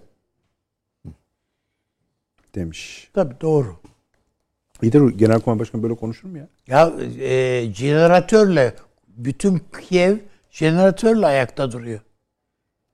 Böyle bir şey olabilir mi? İşte Amerika Jeneratör- Patriot vereceğine İşte ama bunu gel desen e, Zelenski'ye anlat. ha, sizin kıskançlığınız devam ediyor bu tayma kapak olması yüzünden. Anlıyorum ben Doğru, sizi. Biraz, biraz öyle. Ama yine de bu garip değil mi abi? Bu Genelkurmay. Tabii canım elbette. E Artık belli bir durumu var. yani Avrupa'nın da daha fazla herhalde arkadaşlar da biliyor. e, yatırım yapacak hali kalmadı. Yani bir kere daha Dik söylemiştim. diyorlar hocam zaten. Tabii. Abi burada şöyle dört kişi konuşarak Avrupa'nın, Fransa ve Almanya'nın Amerika'nın izlediği bu politikalardan rahatsız olduğunu, ayrı bir Avrupa politikası izlemek istediklerini, çünkü bu olayların kendilerini ekonomik açıdan zor duruma düşürdüğünü, Ama Amerikan şirketleriyle bağlı olan bir Avrupa'nın hele e, Almanya gibi bir ülkenin içinde 7 tane Amerikan üssü varken başka türlü hareket edemediğini halbuki Almanya'nın büyük imparatorluk kurmuş ciddi bir devlet olduğunu tartıştık. Tabii, tabii. Biz bunu görüyoruz. Alman istihbarat servisleri o üstün zekalı adamları bu analizi yapamıyor ve Rusya'nın Avrupa'ya saldıracağını düşünüyor. Böyle bu, bu analizi kabul ediyorlar öyle mi? Böyle bir şey olmayacağını biliyorlar hocam. E, Zoraki kabul etmek, zoraki şey altına girmek demek ki bunlar asla özgür olamamış bağımlı ülkeler. Evet evet yani orada ama şimdi, bunu söylemek lazım. Kennedy çıkıp ben Berlinliyim demedi mi? Evet, evet. Yani bu aslında burası bende burası benim demek yani bir bakıma da. Hasan hocam şey at- e, eksik kaldı Suriye meselesi. Efendim Suriye meselesinde de bunu gene buralarda konuşulduk. Görüşme, Yani şu açıdan söylüyorum. Sadece Türkiye, Suriye değil. Yani yolu öyle görüyor musunuz siz de hani mesela Rusya ve Çin'in geliş yollarını, Çin'in geliş yollarını bir iki bir de hani başta söyledik ya Avni Bey onu ki bence de doğru katmanları arttırma olarak gördü. Hani Doğru. biraz hı, buyurun. aynı şekilde e, İsrail üzerinde de bu yolları geliştiriyor. Çünkü İsrail limanlarını da geliştirdiği için tren yoluyla bağladı. Amerikan donanması o limanlardan çekti gitti. Yani tek bir hatta değil. Ee, İsrail ilişkilerini de geliştiriyor. Belki bir hatta Suriye'den çıkabilir. Olmazsa tekrar e, İsrail üzerinden çıkabilir. Lübnan üzerinden e, çıkabilir. E, İran'da biliyorsunuz şey aldılar Şangay'a. O zaman İran'da pek fazla itiraz etmez, Lübnan'dan geçmesine olay çıkartmaz falan filan gibi gelişmeler var. Yani bu hatları nasıl durduracaklar, nasıl olay geliştirecekler? Şimdi yeni baştan birdenbire Amerika bir şey keşfetti. Bu enerji hatları önemli değildir. Bunun üç misli enerji üreten yeni bir füzyon enerjisi Tabii bulduk. o da anlam. Bunu Bu- söylediğiniz iyi oldu. Ha, bu füzyon enerjisi öyle bir enerjidir ki Amerikan güvenliğini ve nükleer silahlara karşı olan savunma sistematiğini ve dünya enerji açığını kapayacaktır. Now we are hiring diyor. Şimdi de işe adam alıyoruz. Bu konuda bizimle çalışmaya gelin. Hayda sürpriz sürpriz. Numara mı yapıyor? Çünkü füzyon enerjisi var mı yok mu tam yaptılar mı onu analiz Onların- edemiyorum. Ama bir anda o gün ben hani bizim gündemimiz çok yoğundu onu alamadık. Bir anda bütün uluslararası ajanslar aklınıza gelen gelmeyen aynı haberi bastılar bir anda. Ve öyle bastılar ki hani tamam bundan sonra ne petroldür, E, o o tahmin ediliyor. Yatırım yapmana gerek yok. Ha, Füzyon şeyi var. Evet. Bunun bilmem ne kadar milyon daha daha fazla arttırıyor. Bilmem ne atom patlamasından daha çok enerji oluşturuyor ve çok kısa dönemde devre içinde çok büyük enerji sistemleri oluyor. Tamamen yani değişen. bir başlangıç enerjisinden çok daha fazla üret enerji üretiyor. Enerji üretiyor. Bu şey demek. Şimdi bu bütün Yani sistem- anladım Güneşteki- aklınıza geleni. Süleyman hocam. ya. Maliyetini söylesinler. yani yeni propaganda mıdır, yeni şey midir, yeni analizler ortaya çıkmaya Ya başladı. zamanlaması bir kere normal değil ki. Diyelim ki doğru. Yani zamanlaması normal değil. değil ama işte devamlı bir şeyler Peki. çıkıyor. Tam Avrupa'yı kafa koya almış e, sıvı gazla doldurmaya çalışırken ve Suudi Arabistan'dan daha fazla Avrupa'ya gaz ve mal satmak üzere harekete Suudi geçerken Arabistan'ı falan yüreğine indirecek hocam Tabii. adam ya. yani bambaşka bir boyuta gidiyor. Onları da gözden çıkarma boyutları içinde. Şimdi Afrika'ya yöneldi. Afrika'da bakalım neler olacak. Rusya var. Suudi Arabistan'da var. Hindistan var. Çin Biraz var. bir tek onu tam yerine kendisi oturmuyor. Biz oturtamadık değil de Hindistan'ı. Kendisi tam bu alanda nereye oturuyor? Hindistan'da büyük e, iş adamları var. Buradaki maden işlerine bile girip diğerlerinin yapamadığı teklifleri yapmaya başlamışlar. Hiç ummadığınız çünkü İngiliz boyutuyla şey etti. Bir de bir şey yayınlanmıştı böyle liste. Amerika'daki ekonomi şirketlerini yöneten CEO'lar. Hepsi, Hepsi Hintli. Tabii. İngiltere'de öyle Hintli. Bunlarda bir matematik İngiltere'nin dehası başbakanı var. yeter ya. Ah. Matematik dehası var. O Hindistan'ı pek izlemiyoruz. Böyle rıp rıp rıp rıp rıp rıp rıp şekilde geliyor. Peki. Ve Hocam, dini kim şeylerini falan değiştirmeden yani. Öyle hani Amerikan vatandaşı olmuşlar falan ama adamlar Hindu geleneklerini Evet abi. aynen sürdürüyor. Aynen. Tıpkı İngiltere Başbakanı gibi. Aynen öyle. Aynen. Aslında bu son buluştan bahsettiğiniz şöyle uyumlu oldu gelecek soruyla. Ee, şimdi siz haritayı çiziyorsunuz maşallah yani hiç. Ee, e, peki bu koskoca Amerika Birleşik Devletleri'dir, Avrupa'dır. Hani bir şey demiyorlar mı bu haritaya? herhalde bir şeyler diyecekler ama şu anda kendi hayatlarını kurtarmakla meşguller. Ne yapıyorlar ki bu yatırım isteyen uzun dönemli bir boyuttur. Bir iki sene içindeki gelişmeleri görelim. Kendimizi de kurtaralım. Çin'le ilişkilere devam edeceğiz. Ondan sonra olabilir. Şimdi devamlı hayali yahut spekülatif ileride gerçekleşmesi mümkün akımlar üzerinden konuşuyoruz. Yani wishful thinking dedikleri evet böyle olmasını istiyoruz olabilir. Bunlar da ihtiyaslı. Peki şimdi yatırıma başlayalım arkadaşlar. Para nereden nasıl gelecek? Kim karşılayacak? Çünkü normal olarak e, IMF'den yahut birisinden Dünya Bankası'ndan böyle bir para alması lazım. Dünya Bankası'nda kontrol eden bir güç var. Amerika Birleşik Devletleri. Hayır Çin versin bu parayı. Ha, o zaman bu hattın Çin'in işine yaraması lazım. Yani mali analizin yapılabilirliğini tespit edecek para nerede? Ondan sonra bütün hatları bir hep birlikte çizeriz. Onu bana söylemeleri lazım. Ama unutmayın o hatların hepsi enerji getirecek.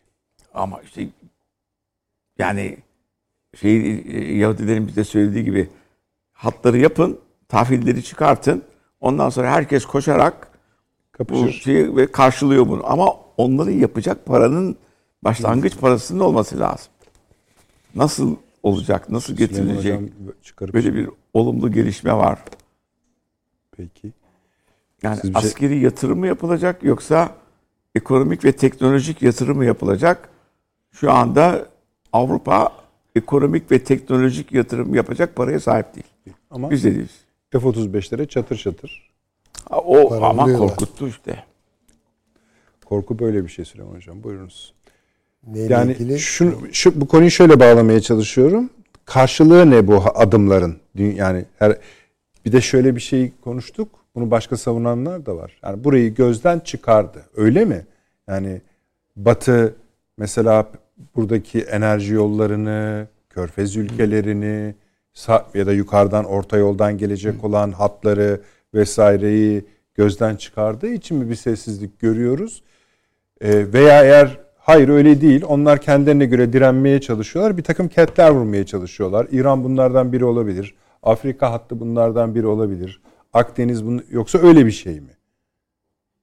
Yani şimdi Avrupa, kıta Avrupası Avrasya'yı atlayarak Asya'ya ulaşamaz. Ha. Bunu sindirmeye çalışıyorlar. Bu sindirilmesi çok zor bir şey. Bakınız demin Hasan hocam son derece güzel bir şey söyledi. İki millet var. Batı'nın sınırlarına kadar gelmiş. Hatta delmiş bile oraları. Biz zamanda Viyana önlerine gittik değil mi yani? İşte itilmişiz, püskürtülmüşüz. Neyse Trakya'da küçük bir yerde de tut olsa tutunuyoruz. Rusya ağzıyla kuş tuttu. Dostoyevskileri verdi, Tolstoyları verdi, Çaykovskileri verdi. Hristiyan değil mi? Kabul etmiyorlar. Yani zihinlerinde bu adamları, bu Avrupa zihniyeti o kadar dar bakışlı bir zihniyet ki Müslümanı zaten kabul etmez de hani Hristiyan da yani öyle Ortodoks falan Hristiyan da olmaz diyelim. ha yani filan. İşte Yunanlılar biraz o işte Batı medeniyetinin kökleri dümeniyle falan biraz şey buluyor. Turizm, murizm kurtarıyorlardı. A- Rusya Antik Yunan diye kurtarıyorlar. ama Rusya öyle değil. Rusya orada küp gibi duruyor. E Türkiye de burada küp gibi duruyor. Şimdi Almanya'nın doğuya açılımı. Şimdi Almanya ne yaptı? Almanya neticede Rusya ile yakınlaşmak suretiyle daha soğuk savaş zamanından başlayarak bu Avrupa bakışını deldi aslında. Bunu çok bilinçli veya kendi doğu şuurunu gözden geçirerek yapmadı. Oryantalist şuurunu gözden geçirerek pratik gereklilikler üzerinden yaptı. Ama Almanya'nın zihninde Rusya doğudur. Aslında Rusya doğu değildir. Rusya hem doğudur hem batıdır. Türkiye de öyledir.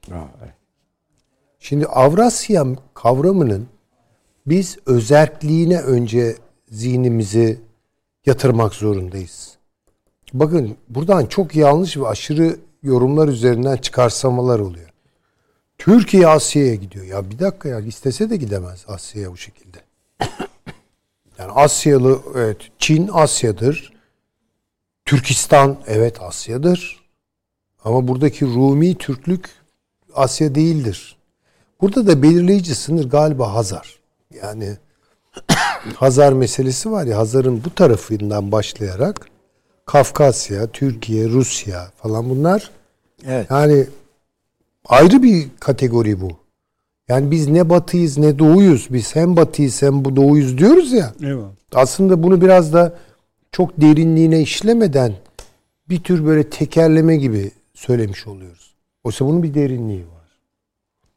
Onun için Türkiye'de yapılan doğu batı tartışmalarını ben çok küçümserim açık söyleyeyim. Hiç anlamı yok yani. Biz batılılaşacağız diyenlerle biz doğulaşacağız diyenler arasında sıfır toplamlı. Çünkü zemine basmıyor bu fikirler. Bunun zemini başka. İki ayağının birden olması. Evet ya bu bu burası Avrasya'dır. Avrasya'da Avrasya'dır. Türkiye Başka bir şey değildir değil yani. ki zaten bu. Ha. Ama şimdi Avrasyalılığı Çin'le ilişkilendirmek sorunludur. Ama burada Rusya, Türkiye başka buna katılabilecek aynı meridyen dairelerin içinde bulunan herkes girebilir tabii ki yani. O şuurlu olduktan sonra. Bakın Karadeniz İşbirliği Teşkilatı var ya Karadeniz İşbirliği Teşkilatı'nın ruhu biraz Avrasya'dır. Karadeniz'i barış denizi haline getiren Rusya ve Türkiye'nin ortak gayretleridir. Değil mi yani bu bu titizleniyoruz buna. Ve hala delemiyorlar burayı. Evet. Yani, heh. Onun için Avrupa Avrasya'ya e, Avrasya'yı sindirmek zorunda. Kendine bir gelecek arıyorsa. Kıta Avrupa'sından bahsed- bahsediyorum. Fransa'sı, Almanya'sı, işte İtalya'sı ne diyecekseniz deyin. Kıta Avrupa'sı Avrasya olmadan işte böyle Çin'le yakınlaşacağız. Çin'le işbirliği kuracağız. Macron diyor ki Çin'le diyor işbirliğinin de. Ne üzerinden devam edeceksin yani? Ne üzerinden? Ya sen burada Türkiye'ye kılıç çekmişsin. Rusya'ya kılıç çekmişsin. Ondan sonra Çin'le havadan falan herhalde yani. Bakın bu bu kadar basit bir iş değil. Buna rağmen yatırım yapmıyorlar mı? Tabii ki Almanya'nın orada yatırımları var. Fransa'nın da var yatırımları ama bu hattı çalıştırmak Asya ile Avrupa'nın kaynaşması Avrasya olmadan olmaz. Böyle Türkiye'yi küçümseyerek ikide bir ağzına geleni söyleyerek Türkiye'ye veya Rusya'ya Çaykovski'yi bilmem Tolstoy'u yasaklayarak, Yasaklayarak falan falan. bu kadar böyle bir aptalca bir siyaset olabilir mi? Amerika'yı kültürel açıdan her gün aşağılayan Avrupa burada yaptığını ben hala yani aklım sır ermiyor san- yani Tabii orada da şöyle ayrımlar ortaya çıkıyor. Yani nasıl ki Doğu diye bir şey yok, e, Batı diye de bir şey yok yani. Hangi Batı'dan bahsediyoruz değil mi? Attila İlhan sormuştu bunu hangi Batı diye. Yani. Sormak lazım bunu bir teviye. İtalya'yı mı konuşuyoruz? Fransa'yı mı? Almanya'yı mı? İs- İsveç'i mi? Hangisi? İngiltere mi? Eğer hani bunu kıta Avrupa temelinde konuşacak olursak kıta Avrupa ile kıta Avrupa'nın tırnak içinde bir ruhu varsa Anglo-Amerikan ruhu daima yadırgamıştır. kültürel Ya ilişki da- kurmuştur, yadırgamıştır. Bunu hatta filmlerde falan bile görebilirsiniz yani. Süleyman Hocam yine bir 40 saniye isteyeyim mi? Ya buyurun 40 efendim, saniye. tabii. Efendim 40 saniye sonra geliyoruz. O kadar. Hemen Süleyman Hoca'ya sözünü Evet. Şimdi tabii bu Avrupa'nın anladığı yani şeyi söylüyordum Amerika Ruhu Atlantik meselesinden ruhu giderek. Hı hı. evet. Ya Fransa'da böyle daha ılımlı bir şey vardır. Böyle kaynaşma alanları falan nispeten de mesela Alman aklı Amerikan aklını biraz yadırgar yani birçok noktada yadırgar. Yani Avrupa kıta Avrupası aklını da e, Atlantik batısı at- yadırgar. Yani İsveç aklını veya Nordik Baltik aklı Akdeniz Avrupası aklı yadırgar. Yani bunları görmemiz lazım. Ama şimdi tabi bunlar nerede hem hiza oluyorlar? İşte Türkiye söz konusu olunca işte biz de bunu şöyle anlıyoruz. Haçlı ruhu depreşiyor filan.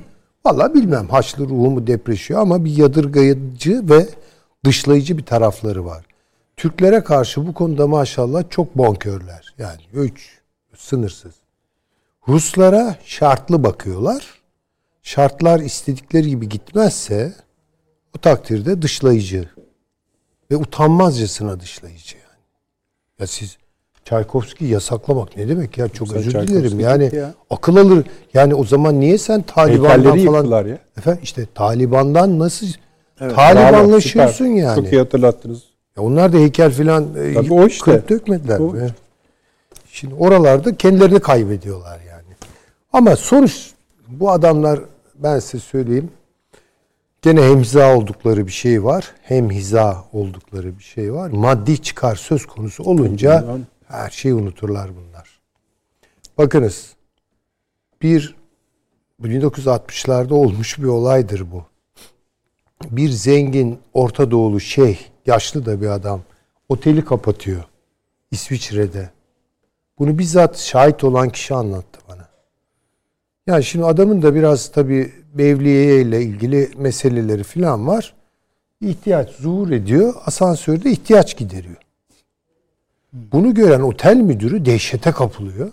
Derhal otelimi terk edin diyor. Şimdi baktım yani de, tamam değil mi? Ne diyor ya diyor bu. İşte diyorlar böyle böyle. Öyle mi? Satın alın şu oteli. Satın alıyor. Kovdum seni. Şimdi bakın bu kadar hani Avrupa hani Türkiye'yi bu kadar niye mesele eder yani? Türkiye bir Türk bunu asla yapmaz. Şimdi ama para olunca yani Suudların, Körfezlerin işte Hepsini ya hepsine böyle bir hoşgörüyle bakıyorlar yani değil mi? Öyle bir yani hiç önemli değil canım falan. Çünkü para maddi şey. Şimdi bakın Azerbaycan lideri Sayın Aliyev Avrupa'ya gitti. Kırmızı halılarla karşıladılar. Bilmiyorlar mı onun Türk olduğunu? Hocam daha 24 saat olmadı Hüseyin Hocam. Suudi Arabistan'a ilişkin İngiltere dedi ki e, İngiltere bütün e, herkes bütün diktatörlükler şeyden korkmalıdır Londra'dan ama dedi Suudi Arabistan hani anlamalıyız durumu dedi. Buyurun işte. Bu kadar. Ve açık mı Yani yani? Hani, budur yani. hani ikili sohbet falan değil sitelerinde Ya de duruyor. maddi gazetelere de meseleler girerse bu adamlar değişir. Anında değişirler yani. Ya sistemleri bile yerle bir oluyor. Londra'da ne e, yargı sistemi nasıl alt üst edildi, ne neler için biliyoruz yani. Tabii tabii. Ee, yani ne oldu işte sonuçta e, Suudi Arabistan lideri Amerikan yargısına ayar çekti. Neyle? Biraz dolarla herhalde çekti. Yani şimdi günahını alın. Hiçbir soruşturma yok. Ne oldu o dosyalar bilmem kapandı yani. Gitti gitti. Dokunulmazlık bilmem ne bitti. Yani şimdi bu, böyle bir şeydir bu. Hani onun için hani şimdi Türkiye ile Azerbaycan birlikte profil verdiği sürece bakın buna Türkmenistan'ın eklemlenmesi benim doğrusu çok hoşuma gitti. Yani şimdi orada üç lider Evet hocam. Azerbaycan sadece önemli. lideri, Türkiye Cumhuriyeti Devleti lideri, Türkmenistan'da. Buna mutlaka eklemlenmesi gereken iki şey daha var. İki bakın Kırgızistan'ı şimdi çok şey söyleyemeyeceğim ama Özbekistan çok önemli. Ve Kazakistan tabii ki. Şimdi sürekli bu şekilde bir Türk Birliği profili dünyaya vermeye başlayınca arkasında doğalgaz var. Arkasında enerji meselesi var. Eminim bu adamlar bu dilden anlayacaklardır yani. Ve Türkiye'ye olan bakışlarını değiştirmek zorundalar. Açık İnşallah söyleyeyim. Özbekistan da eklenir hocam. Eklenecektir. Daha iyi. Zaten eklen. Yani şimdi bir de bunların arasında böyle bir sorun yok. Yani baktığınız zaman hani Türkmenistan'la Azerbaycan Bazı arasında. problemli yerler Ya var ama ama işte burası onlar ha, yani artık aşıldı. Hani konuşulan Yani Yani o Sovyetler dönemindeki şeyler Tabii, bitti. Gitti. Ve yeni kadrolar şimdi baktım gencecik bir lider var orada. Tabii, tabii. Yani ben bilemem içeride ne yapıyor işte yok diyor bir şeyler duyuyoruz. Şu yasak bu bilmem ne falan. Ya bana ne yani? Ya bunlarla Türkiye bu işlere hiçbir devlet birbirinin burnunu bu işlere sokmaması lazım. Ortak çıkarlar üzerinden devam edeceksiniz. Ya dünya siyaseti yapmak budur. Ne yapalım diye sana sorarsa fikrini söyle. Ha o ayrı bir şey yani başka bir şey, o evet. ayrı bir şey. Bir de yani biraz uluslararası zeminden destek alarak böyle laflar edilir. Şimdi mesela Filistin meselesinde Evet. konuş çünkü konuşan çok var. Türkiye'de orada konuşuyor tabii ki. Elbette konuşacaktır. Ama kimsenin konuşmadığı yerde biri konuş o işte o olmaz. Olmuyor. O sıkıntılı bir şey oluyor.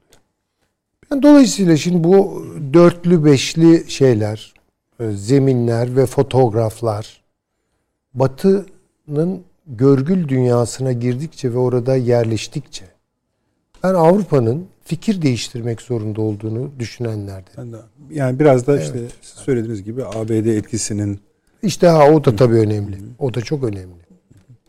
o da işte Ukrayna Savaşı ile şu anda E rabıtalı. artık onu göreceğiz. Gör- e, tabii çünkü çökme gerçekleşti. Yani çökmeden kastımız şu ABD'nin oraya çökmesi ne hangi aşamada sona erecek ermeyecek ABD Avrupa'ya çökerse yapılacak bir şey yok. zaten. Şey yok.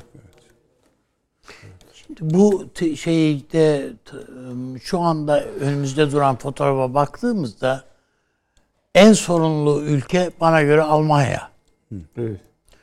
Yani bu iki arada bir deredeler. Alman Amerika tarafından sıkıştırılmış. Çünkü bir kuma devlet. Yani yani Bu Böyle- Böyle devletten sonra şimdi de kuma devlet mi çıkardınız başımız? yani o Şey evet, bir tabir ama yani. işte öyle yani söyledim. Şimdi baktığınızda yani biz mesela hafife alıyoruz bu darbe girişimini. Bence hiç hafife alınacak bir olay değil o. Tabii tabii tabii. Ve onun hem tarihsel olarak arka planı var, derinliği var. Hem de bugüne ilişkin bir arka planı var. Sadece bu Almanya'da değil biliyorsunuz yani İspanya'da parlamentoyu bastı ya adam albay hatırlayın değil mi? Bir, ta- bir tarihte. Çok vardır yani Avrupa'da böyle e, darbe girişimleri. E, yani bize mahsus Gladio değil yani bu işler. Sadece. Onun için e, bakıldığında Almanya'daki olay bütün Avrupa'yı tetikleyebilecek bir olay bana göre. Her manada ya sadece darbe manasında söylemiyorum bunu. Ya adamlar yani e, Almanya'nın şansölyesini öldürmenin Planını yap. e, planını yapmışlar. yap. Yerine kimi getireceklerinin planını yapmışlar. Şunu yapmışlar bunu. Yapabilir yapamaz. O, onlar ayrı işler. Ama nihayetinde baktığında ben Almanya'da bunun karşılığının olduğunu ne kadar Alman dostumuz varsa hepsi söylüyorlar. Tabii. Hepsi. Almanya'nın milli marşının değiştirilmesi gerektiğini bilmem yani e, hepsi. Herkes söylüyor. Ya bu Almanya değil, değil mi yani Lenin'i Rusya'ya yollayan yani şey e, o trene bindirip hadi oğlum sen darbeyi orada Moskova'da hazırla diyen. Ve o kim? gönder- Evet. Parvus Efendi. Ha, değil mi? Yani gibi. Parvus Efendi. Ünlü Türkçümüz. Evet. Yani e, işte her dönemde Soros, Soros bulacak değiliz de hocamız. O zamanınki de oydu. Yani işte gibi yani ba- bakıldığında e, bu ülke öyle e, Amerika şu, bugün eğer Amerika diye Amerikan sanayi veya altyapısı filan dediğimiz bizim esasında Alman gücü. Başka bir şey değil yani. İkinci Dünya Savaşı'ndan sonra sen kaptın götürdün adamları. Sana ne yaptılarsa onlar yaptılar. hala Amerika'da esaslı bir Alman kolonisi var. Bir bir Alman arka planı var. Yani Alman Almanca konuşuyorlar adamın çoğu yani bakıyorsun yani. Ee, onun için ben bunun e, hassas en kritik denge olduğunu düşünüyorum. Ve bu e, Ukrayna Savaşı da artık pamuk ipliği noktasına geldi Almanya. Bu Ukrayna genel Battı batacak. Şimdi daha çok konuşulmaya başladı. Bu Ukrayna e, Genelkurmay Başkanı'nın açıklaması. Benim vallahi tam aklıma garip geldi yani bilmiyorum. Ne Altyapı düşünüyorsunuz? Yani- yıpranmasını Yani mı? demoralize olduk ve devamı da geliyor üst üste yani çünkü The Economist'e röportaj vermiş. Onun parçaları geliyor şu anda. O yani Ee, daha fazla silah almak. Çünkü yani bir de şöyle bir şey bakın var. hani- Ee, Hocam bol, Nedret bol keseden geliyor. Diyor ki mesela silah. Rusya'daki Niye? seferberlik işlerine yaradı diyor. Şimdi size anlıyorum ne demek istediğimizi ama mesela şunu der miydi? Ee, silahlı Ukrayna silahlı kuvvetleri üzerinde demoralize edici et- etki yaratıyor bu olay. İşte bu niye söylüyor? Çünkü İşte bazı tabii, haberlere bakıyorsunuz. Ukrayna Ukrayna ordusunda moral en üst seviyede. işte her sonu aldılar. Evet. Yı- yığ- yığ- yığınak yapıyorlar. Daha da ileri gidecekler. Amfibik birlikler hazırla. Hangisini? Yani hakikaten medyamız dökülüyor bu hususta. Yani üçüncü gün her kanal oraya muhabir Evet. gönderdi. Ha, bakın bunları söylemez işte. Bakın şimdi bak alt ar- arka arkaya geliyor. Benim de emrimde olan e, 10 generali yetersiz oldukları için görevden aldım. Bir general de intihar etti diyor. Şimdi bunları ne için Ama gel adama diyorsun ki gel kardeşim e, ateşkes için bir oturup konuşa, konuşun diyorsun. Adam diyor ki Putin görevden istifa etsin ancak o zaman beraber olur. Yukarıdaki emir Tabii öyle. canım. Ya Amerika'dan gelen emir, Emir öyle. öyle evet. İngiltere'de şu açıklamayı yaptı. Yani dedi ki bu verilen maddi desteğin e, enerji altyapısının yenilenmesini harcanmamasını temenni Evet ediyor. evet. E ya Evet. bakın yani. Bugün mesela işte Avrupa Birliği liderleri zirvesinde hala kaç para verelim, nasıl verelim? E, elimizde stok kalmadı vesaire. Hani o da var. Ama İngiltere bence Kimse de para, inceden para vermeye niyetli değil abi. inceden inceye daha büyük bir göç dalgası gelsin şu şeye Evet. doğru. Bunun derdinde yani. Ya bunun hakikaten İngiltere ile Ada Avrupası ile kıta Avrupa'sında bir savaş olduğunu, bu savaşın. Amerika ile e, Almanya arasında bir savaş olduğunu, İngiltere ile Almanya arasında bir savaş olduğunu çoğu kez unutuyoruz. Onun için haber kaynaklarımızı da buna göre takip edelim. Yani ben artık hiç güvenmiyorum gelen haberlere. Bakıyorum İngiliz gazeteleri çıkıyor arkasından. E ne yapayım şimdi ben ya Allah aşkına? Bu da öyle. E ama yani işte Peki. yani nedir? Haber bilemem. ajanslarımız da İngiliz kaynaklı hocam. bizim. Ama ya kendi şurası Ukrayna değil mi? Savaş muhabirleri yok mu? Neredeler bunlar? Şu an İstanbul'da Yok çoğu. canım ben vallahi Ya kişi bir şey- haftalığını bir hafta herkes koştu. Dediler. Dedi, ya dedik bundan sonra sürekli bilgi al. Bir hafta sonra hiçbiri yok. Nerede bunlar? Haber alamıyoruz yani ne olduğunu doğru düzgün takip edemiyorum ben. Takip etmeyi de bıraktım doğrusu. Güvenemiyorum çünkü aldığım haberler beni yanlış düşündürecek diye. Her bu psikolojik psikolojik operasyonların en boyutlu olduğu bir şeydir o. Biliyorsunuz Almanya'da Hitler şey okuyormuş. Fal. Fal okuduğu bütün gazetelerdeki fal yazarlarını satın almışlar. Bugün Onun senin- moralini bozacak işte. Bugün sizinle birisi öyle bir örnek var Hasan hocam. Benim Şey, var. bugün diyor sizinle görüşmeye birisi gelecek. Ona son derece müspet davranın. Bu sizin falan diyor. İşte ne bileyim İngiliz Büyükelçisi geliyor. Sizden bir şey isteyeceğiz efendim falan diyor. İşte o şeyi devam edebilmek. Halkın kazanıyoruz. Biraz daha dayanalım. Dayanıklık kazandırma. Biraz daha kazanıyoruz. Çok başarılı olduk falan filan. Sonra ağlayarak başarısız kaldık. Bakalım falan. öyle mi? Yok Bir işte. de Yani Süleyman Bey dedi diyor yani niye diyor adam bunu yani? Yani daha fazla bir şeyler Yani kapatılıp gidelim mi demek? Ne demek? Koskoca hiç Genelkurmay Başkanı zannetmiyorum. der devam etsinler diye. Hocam şimdi artık Devam etsin. kendi yaşamından keserek şimdi Avrupa'ya giden arkadaşlar var. E, hala bir takım mal satmaya gidiyorlar. Gezmeye giden de var. Diyor ki pahalı, pahalı, pahalı, çok pahalı diyor. Ve göç akımı da durmuyor. Ve Amerika'ya da durmuyor. Latin Amerika şeye boşalıyor. Amerika'ya. Amerika'ya boşalıyor. Ve bundan sonraki Trump'ın yerine seçilecek adam bir daha seçimlerde Florida'dan Latin bir Amerikalı. Yani Amerika İngilizce konuşuyor ama Latino. Ve gittikçe geliyor böyle. Mesela anket yapılmış o DeSantis'i diyorsunuz. Evet.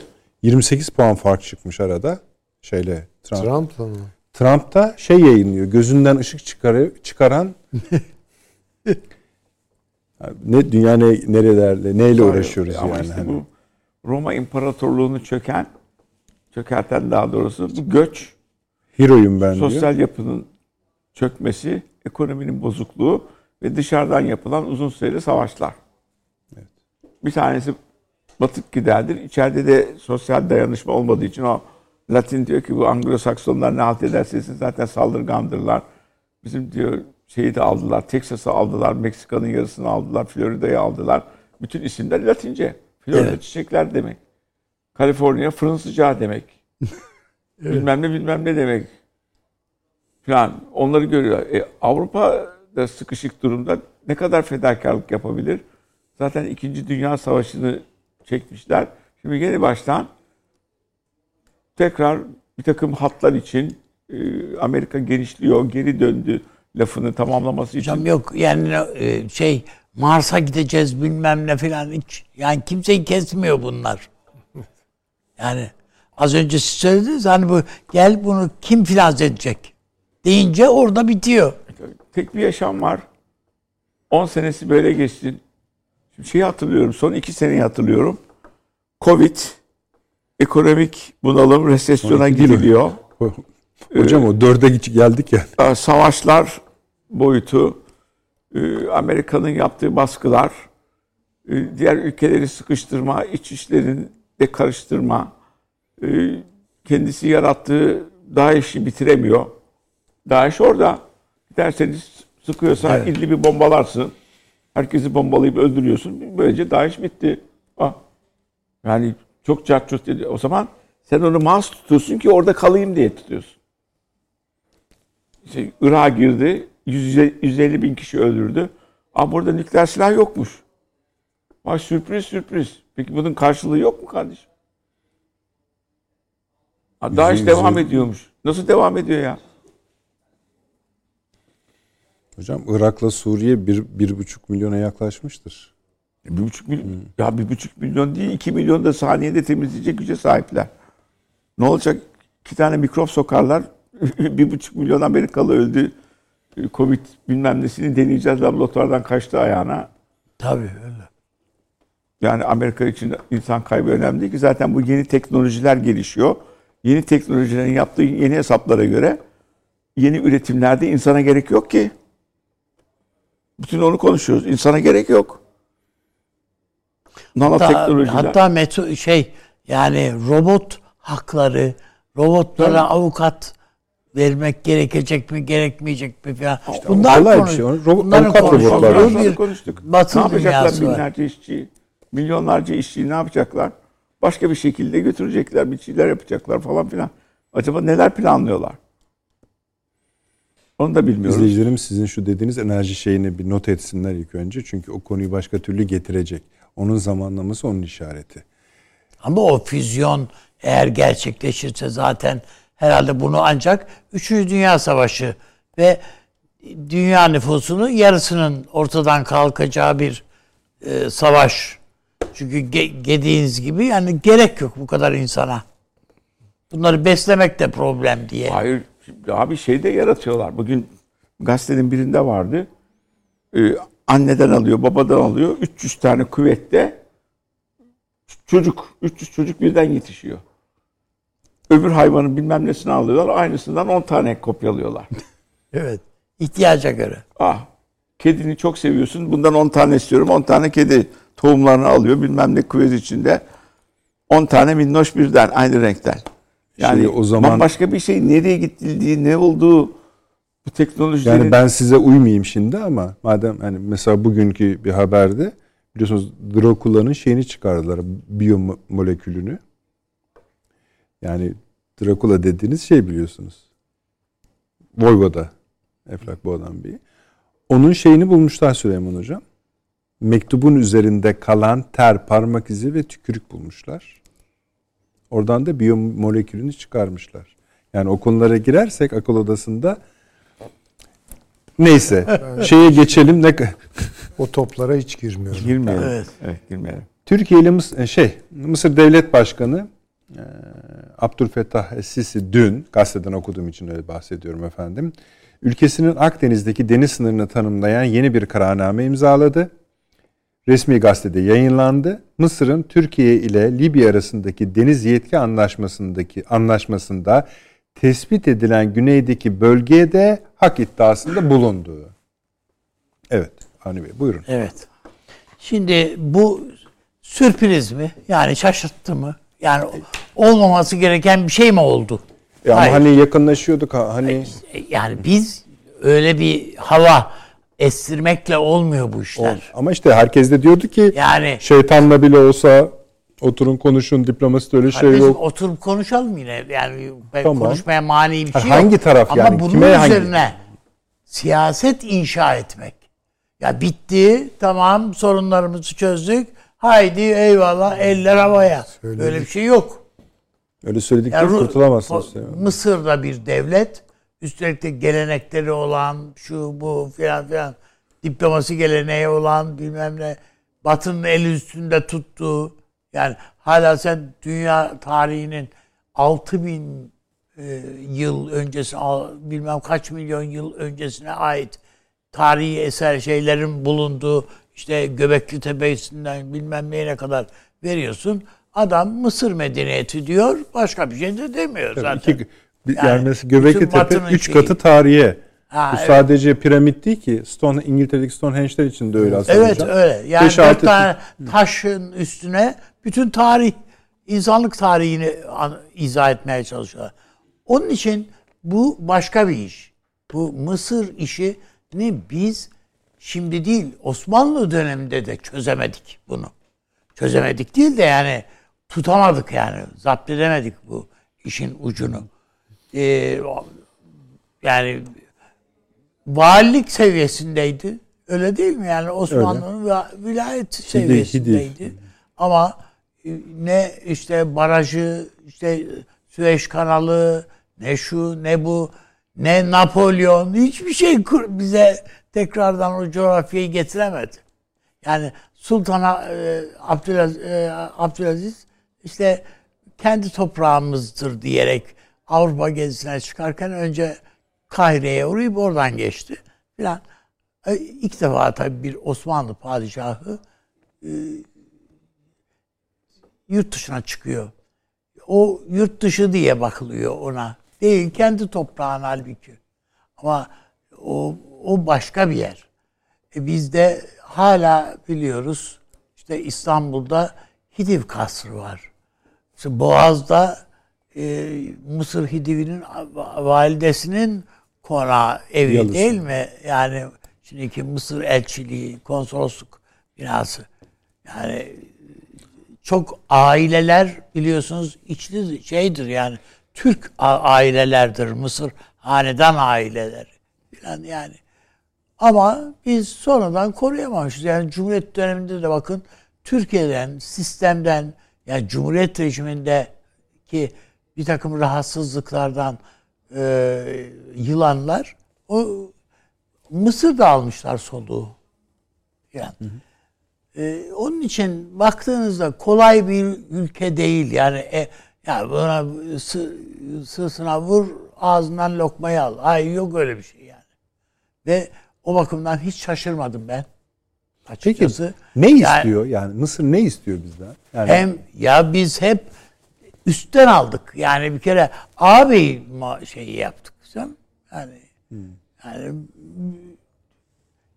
yani ben senden büyüğüm şeyi yap. Arada bir rekabet var işte böyle. Kendiniz anlatıyorsunuz vali mali deyince öyle oluyor ama. Işte. Öyle ama zaten Hidiv dediğimiz o. Öyle. Yani vali desen ayıp oluyor. Bilmem ne desen o değil mi? Akdeniz'de hocam daha iyi bilir. bir takım ünvanlar var öyle dayı diye değil mi yani Cezayir'de falan yani öyle ünvanlar veriyoruz. Yani hepsi ayrı bir şey e, itibar şeyi gibi. E, işte ona da öyle hidiv demişiz. O hidiv babadan oğula geçmeye başlamış zamanla. Sonra işte kraliyete dönüşmüş. Şimdi ben size şey diye sordum ya Mısır ne istiyor diye. Esasında istediklerini bizim vermemiz diye bir şey mümkün, mümkün değil. Yani evet. daha Bismillah Libya'dan açar ağzını. E, öyle yani zaten ilk başka da bir şey gerek kalmaz masadan kalkar. Sözünü ettiğiniz dünkü bugünkü çıkışın arkasında Libya var zaten. Tabii. Yani. Biz de zaten işte bahsettim. Onun için yani e, ha bu efendim sil gitsin. Hayır böyle bir şey yok. Silemeyeceğimiz bir şey. Elbette görüşmeler, müzakereler, ikna çabaları onlar devam et, eder, etmelidir de üstelik. Ama dediğim gibi gerçeği bilerek yapmak lazım. Diğerleri için de aynı şey geçerli. Yani Suriye için de Suriye el sıkıştık, tokalaştık diye Hatay'dan vaz mı geçti? Hayır kardeşim adam bunun rüyasını görüyor ya. Peki. Biz Musul rüyası görmekten vazgeçtik diye. Türkiye vazgeçti yani gibi. Değil mi? Haritalarda falan yok. En azından Ker, sizin vazgeçmediğinizi biliyoruz. En biz, bizim vazgeçmediğimiz kesin. Yani Kerkük'ten, Musul'dan vaz... Peki. Yani ama resmi söyleme adamın ya. Adam devlet harita, haritalarında gösteriyor ya. Abi kulağımda çok konuşuyorlar reklam reklam diye. Bir onu tamam. halledelim. Son reklamımız zaten Peki. efendim. Hemen geleceğiz. Devam ediyoruz efendim. Mısır bize niye böyle yapıyor, ne istiyor başlıklı bölüme. Ama tabii şeyi de ekleyeceğiz Süleyman Hocam sizdeyiz. Şimdi, ama şey bir tek şu cümleyi söyleme hakkınız yok. Ben bunu söylemiştim diyemezsiniz. Onun için bu yeni durumu izah edeceksiniz. Bir de yok ben bunu söylemiştim. yani söylemiştim deyip kainlik iddiasında bulunmuyor Yok yok kayıtlı yani, canım. Evet, tabii. Şu evet. bunu bu tip açılımları biraz yadırgadığımı söylüyorum. Yani Birleşik Arap Emirlikleri'yle sıkışmak, Mısır'la yok işte Esad'la falan bakın buradan umduğumuz şeyler çıkmaz. Tamam da hocam size derler ki 10 dakika önce Çin'in körfez çıkarmasını ve yeni bir haritayı anlattınız. Evet. E bakın ne kadar uygun düştü derler. Neyle uygun düştü? İşte bu açılımlarla. Allah Allah. Hiçbir bağ kuramadım yani. Ben Şunu diyor işte. Bu harita değişiyorsa evet. oradaki oyuncularla da siz yeni ilişkiler kuruyorsunuz. Peki. Çok aşırı bir yorum. Buyurunuz. Estağfurullah. Mısır'la ilgili şunu söyleyebilirim. Mısır kimsenin olmaz. Roma'da gelmiştir oraya ama Roma orayı yönetememiştir. Osmanlı da fethetmiştir, yönetememiştir. Ama sanki şu anda da bağımsızmış gibi konuşuyorsunuz Süleyman Hocam. Yani şimdi şartlar çok farklı. Ben biraz tarihsel arka tabii, planından buyurun. bahsediyorum. Ee, hatta şunu dahi söyleme cüretinde bulunabiliyorum ben. Mısır kimsenin olmaz, Mısırlı'nın bile olmaz Mısır. Yani öyle bir tuhaf bir yer orası. Çünkü çok daracık bir koridor. Afrika'nın içinden çıkan bir nehir. Evet. O koca coğrafya o iki nehrin iki tarafına yığılmış evet. korkunç bir yoğunluk. Yani acayip bir şey bu. Ve kilometrelerce gidiyor. Evet. Yani kontrol etmek çok zor. Neyse. Ee, Mısır'dan beklenen oldu bence. Mısır daha Türkiye'nin başına çok iş açacak. Ben söyleyeyim.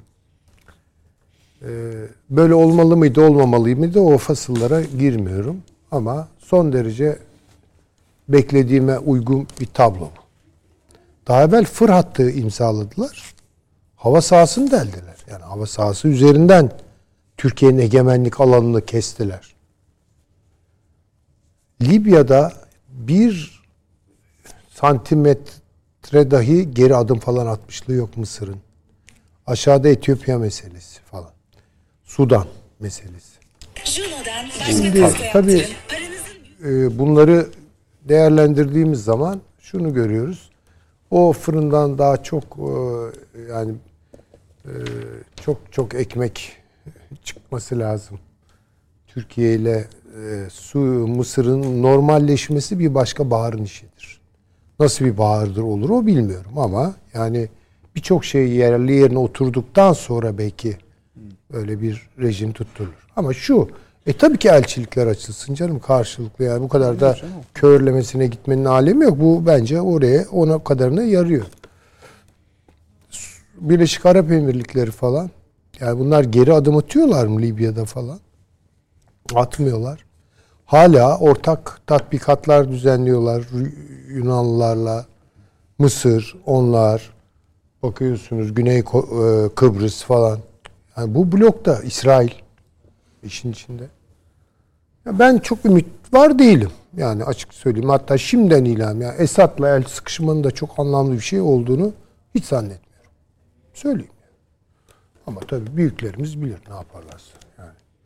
Bence hiç olmayacak Hocam bir. Mısır ta Nasır yani Kral Faruk'tan sonraki Elbette, dönemde Arap Nasır döneminde filan rezillikti yani. bakın işte- Türkiye düşmanıydılar. Tabii ama şu an bir yeni Arap milliyetçiliği rüzgara esiyor. Farkında değiliz. Körfez bu işin içinde. Mısır var bu işin içinde. Daha tuhaf İsrail var bu işin. Çünkü İsrail kendini kurtarmış vaziyette. Eskiden Arap milliyetçiliği İsrail'e Evet. cephe alıyordu. Şimdi yok öyle bir şey maşallah. İsrail de bu işin içinde. Ve buna Çin oturuyor. Yani bakın bu tehlikeli.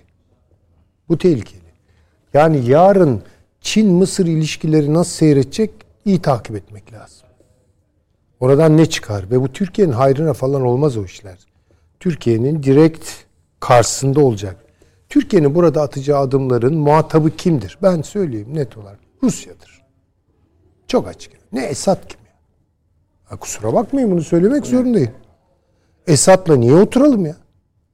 Türkiye Cumhuriyeti Devleti ciddi, ağırlı olan bir devlettir. Muhatabını da ona göre seçmek durumunda. Ya böyle failed state dedikleri, düşmüş, çökmüş bir devletin enkazında oturan bir adam muhat- bir dakika ya niye? Niçin yani? Çünkü o adamı orada arkasından destekleyerek yani suni teneffüsle yaşatan mekanizmalara bakmak lazım yani. Kimse Rusya o İran. İran'la oturulmayacağı, bu meselenin konuşulmayacağı çok belli. İran başka türlü. Evet. Ama Rusya ile konuşabiliriz. Ve galiba Erdoğan'ın, Cumhurbaşkanı Sayın Erdoğan'ın bu konudaki açıklamaları da oraya gidiyor. Yani diyor ki yani işte Rusya ile Evet. ya Rusya da şunu yapıyor tabii. Rusya da bizim babamızın oğlu değil. O da sonuçta Türkiye ile kendini belli açılardan rakip görüyor yani veya Türkiye'ye karşı uzak durduğu, mesafeli durduğu meseleler var. Rusya buradan bir fırsatçılık türetiyor. Diyor ki yani sen madem diyor böyle sıkıştın bak bu adamları geri çekelim. Özellikle Tel Rifat bölgesindeki PKK unsurlarını. Çünkü onları kontrol ediyoruz biz orada. Rejim gelsin buraya. Ve bu PKK'nın, PYD'nin her neyse birliklerinin Suriye Milli Ordusu içinde eritilmesi falan. Şimdi Türkiye galiba bu teklife sıcak baktı. Biraz sıcak baktı. İşte bunların aşama. Esat'la belki bunu konuş ama Esat'la konuşulacak iş değil bu. Bence alt düzeyde filan konuşulur. Yani daha alt İşte düzeyde. bir Avni Bey'in dediği bu katmanların artması meselesi var. Bir ortak bir adım atıyoruz açıklaması var. Sen hani İşte ortak, ortak adım da isim işte de bu. sayıyor Rusya. Su- İşte anlıyor anlıyorum ben sizin Tabii. söylediğiniz olay. Ama işte burada yani Esad, Suriye falan dememek lazım. Yani bence hiç gerek yok. Yani niye? Yani Türkiye Cumhuriyeti Devleti Reisi Cumhuru dünyada ağırlık taşır yani. Muhatabı da ona göre olacak yani. Bence öyle olması lazım. Buna dikkat etmek gerekiyor. Bir de yani e, Rusya ile bazı şeyleri e, Doğu Akdeniz meselesini, Libya meselesini, Suriye meselesini revize etmemiz lazım. Yani şimdi Kafkasya'da bakın hani birebir, karşılıklı, ortak. Karadeniz Pratiği başka türlü gelişiyor. Ama aşağıda ayağımız boşta. Rusya da buna göre değişmeli. Yani Türkiye sadece pozisyonunu değiştirecek, Rusya değiştirmeyecek mi? Ya ben hala anlamış değilim. Rusya niye Halife Hafter'in yanında? Bunu ben anlamış değilim. Bence çok saçma sapan bir tercih. Niye yapıyor bunu? Mısır yüzünden mi? Efendim yani Mısır Yani Rusya Mısır ilişkileri de ama fena. yani şu an Rusya Mısır ilişkileri mi öncelikli Rusya Türkiye ilişkileri mi? Çok özür dilerim. önceliği Rusya Türkiye ama bir de Ee, Afrika yani meselesi. o zaman o da biraz ona göre pozisyon. Peki. Yani Ayrı onları bir böyle bahis olduğunu düşünüyorum ben bunu. efendim Yani ayrıca bu Mısır Rusya'nın ayrı da konuşulabilir. Yani Amerika'nın da çok büyük etkisi var vardır tabii Esasen ama yani Libya'yı ayrı bir, bir konuşmak lazım tekrardan. ko- konuşmak lazım çünkü şey deliniyor şimdi şu an. Ya basbaya bu Mısır'ın açıklaması Türkiye'ye meydan okumak. Öyle. Ama böyle şeyleri duyacağız. Yani Yani Böyle şeyde duymak bir şey değil de acaba hani orada bir şey ne ya gibi? adım atar. Burası benim diyor adam işte. İşte diyor Evet. ama yani ne oldu el sıkışıldı da ne oldu yani bu mu oldu? İkinci gün daha koştular Yunanlılar hemen Kahire'ye. Öyle öyle canım. Ya ve ikna ettiler. Dendias'la Semi Şükrü çıktı. Beraber açıklamalar yaptılar ve hemen ikinci gün tatbikat başlattılar. Peki. Gerçeklerle biraz tabii Yüzleşelim diyorsunuz. E, yüzleşmekte fayda var bu işlerde yani. Hasan Hocam buyurunuz. Ben hemen hemen aynı şeyleri söyleyeceğim. Şimdi 2019'da yapılan Libya yapılan anlaşmada Türkiye kendi münhasır ekonomik bölgesini ilan etmedi. Libya'nın münhasır ekonomik bölgesini tanıdı. Böylece kendi ekonomik kalan kısmı kendi ekonomik bölgesi olarak ortaya çıktı. Şeyde daha e, kıta sahanlığı konusunda da herhangi bir bildiri durumu yok. Şimdi buradaki sistematiğimiz Kıbrıs'ın Kuzey Kıbrıs'ın kara suları sistematiğine de dayanıyor bir takım haklarımız. Yani orası çözülmüş olsaydı bambaşka bir hat içinde kalacaktık. Bir de bu deniz sınırlarının bir de yan sınırları var. Yani şimdi iki ülke böyle yan yana bu kara sınırlarının aynısı denizde devam etmesi lazım. Ölçülerle yapıyorlar. Aynısı. Mesela Lübnan'la İsrail'in arasında bir bozukluk vardı. İsrail böyle yukarı doğru çizmiş. Yan kara sınırından e, 50 mil Lübnan kara suyunu alarak ileri doğru çıkış yapıyor. Onunla anlaşmayı yaptı. Şimdi bizim Suriye ile Hatay'dan çıkan yan kana sırrı anlaşmamız var mı onu bilmiyorum. Ondan sonra diğer boyutlardaki olaylara bakıyorsun. Mesela şu Girit Adası var. Girit Adası'nın ön tarafı bize doğru bakan tarafı Ege'de kaldığı için 6 mil, arkası Akdeniz'de kaldığı için 12 mil olarak kabul ediliyor. Uluslararası alanda. Şimdi o zaman o çizgilere baktığınızda harita bambaşka bir şey. Bakın o bizim Libya ile olan şey o üç tane ada var yan yana. Girit'ten yukarıya doğru üç dört tane. Tam onlara teğet olarak çıkıyor. Sanki Girit'in yan tarafa doğru karasuları yokmuş gibi. Şimdi o bir sürü olay çıkartacak pozisyonlar içinde. Yani Hocam Mısır- şunu da sorayım arada size. Ee, Şimdi bununla aynı zaman aynı günde yani öyle söyleyebilirim. Türkiye ile Libya Birleşmiş Milletler'e başvurdular. Bu kararnamenin yayınlanmasıyla aynı anda öyle gözüküyor. Bir mektup gönderiyoruz Birleşmiş Milletler'e ve diyoruz ki Yunanistan'ın Doğu Akdeniz'e ilişkin iddialarına şu şu şu şu yerlerde işte adaları adacıkları falan şöyle şöyle yapıyor. Deniz yönetki alanlarını buraya giydirmeye çalışıyor deyip itiraz ediyoruz. Şimdi Libya'nın buna katılması ya da aynı zamanda olması ne demek? Yani bir şey, ne an, bir şey mi anlatıyor bize? Ha şimdi Libya'nın katılması bizim haklarımızı teyit ediyor. Bir de orada bizi rahatsız eden bir Meis Adası var. Meis Adası iki küçük acıktan oluşuyor. Şimdi deniz hukukunun 121. maddesine göre adaların karasuları var. Ama işte o adanın kendi karas bölgesine uzaklığı, yüz ölçümü üstünde yaşayan insan sayısı, ana karaya yakınlığı ki bize çok yakın. Kendi ana karasından uzaklığı ve çevrede petrol kaynaklarının bulunması ona e, kendilerinin söylediği gibi 200 kilometrelik bir deniz münhasır deniz bölgesi vermiyor. Bunu iddia ediyoruz. Onlar da veriyor diye iddia ediyorlar. Yani tam ortadan böyle bir hat geçiyor. Şimdi o da pek çözülmüş bir boyutta değil. Ha vermedi. Gittiniz Uluslararası Adalet Divanı'na. Dedi ki tamam veremez. Bu ada o kadar ufak yer tutamaz. Koskoca Türkiye'nin 1580 kilometrelik sınırları var. Fakat 25 kilometre veya 30 kilometrelik bir münhasır ekonomik bölgesi ve 12 millikte bir kara suyu olabilir dedi bizim tarafa aşağı aşağı tarafa doğru. Şimdi o zaman bütün bu edebiyat rıp diye havada kalabilir. Çünkü uluslararası alanda bir mahkeme kararıyla kabul edilmiş bir şey olay değil. Türkiye bu yüzden diyor ki anlaşalım. Ama onlar da diyor ki 100 sene evvel söylenmiş, çözülmüş sorunları tekrar o ara getiremeyiz diyor ve tutuyor. Ee, Fransa uçak gemisi de geliyor. Orada bir takım şeyler yapıyor.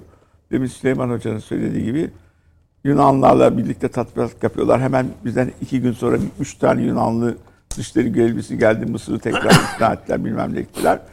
Diye yayınladı. Şimdi anlaşarak çözün diyor. Avrupa Birliği'ne girmiş Kıbrıs da Avrupa Birliği'ne girmişken böyle bir tavizi Avrupa Birliği'nde olmak isteyen ve yüzü batıya yönelik olan bir Türkiye'ye Yunanistan kaptırmaz. Yani ne istekler olduğumuzu biliyor. İlk başta şeyi düşünmemiz lazımdı. Bu Avrupa Birliği'ne girerken madem çekişme alanlarımız Rusya'yla yok bunlarla oluyor. Zaten Osmanlı'nın eski küçük topluluklarıyla uğraşıyoruz. Kiminle uğraşıyoruz? Ermenistan. Kiminle uğraşıyoruz? Yunanistan. Kiminle uğraşıyoruz? İsrail'in sorunlarının bize yansımasıyla uğraşıyoruz. Bunlar eski Osmanlı topluluklarının azınlıklarıyla uğraşıyoruz. Çok daha evvelden çeşitli anlaşmalarla bunların boyutlarını değiştirmek lazımdı ve Avrupa'da karşımıza iki tane oy kullanacak ülke çıkarmamamız lazımdı. Şimdi oradan zorluklar çıkıyor. Haklı olduğumuzu ileri sürüyoruz. Mavi deniz diyorlar, bir takım şeyler söylüyorlar. Fakat kendi aramızda yaptığımız konferanslarla geçerli sayıyoruz. Mesela Ermeni konusunda da öyle. Müthiş kitaplar çıkartıyoruz. Dışişleriyle birlikte toplantılar yapıyoruz. Haklımızı ispat ediyoruz. Ama o toplantıyı İngiltere'de yapıp İngilizce konuştuğumuz zaman ki karşımıza çıkanlarla mücadelemiz başka türlü olacak ona cesaret edemiyoruz. Erkek olan maçı dışarıda aldığı zaman çok sağlam bir boyuta oturabilir. Ve onun da e, uluslararası hukukun politikası diye bir ders var ayrıca. Uluslararası hukuk değil. Uluslararası hukukun politikası. politikası. O nasıldır o? Kamuoyunda uluslararası kamuoyunda fikirleri doğurmak için önceden bir takım yayınlar yapılacak, gelişmeler oluşturulacak, bilmem ne etkilenecek. Yani topçu atışı gibi önceden orayı tabii, bir yumuşatacaksınız. O, tabii işte şimdi şu andaki Peki. verilen karara karşı ne yapıyor? Hukukun topçu atışını CHP ve muhalif grup görüşmelerle kamuoyuna duyurarak, çeşitli konuları tartışarak hukuksaldaki karar verecek yapıyı yumuşatıyor. İşte bu politics of law kısmıdır. Bittik, bittik hocam. Size soru yes. süremiz bitti. Ee, Avni abi çok, çok teşekkür ediyorum. Süleyman Hocam. Ağzınıza sağlık. Hasan Hocam. Zahmetler verdik. Hemen çok da biz size teşekkür ediyoruz. Biraz süremizi açtık. Salı akşamı inşallah yine huzurlarınızdayız 20.45'te. Bakalım nasıl bir dünya olacak masada. İyi geceler diliyoruz.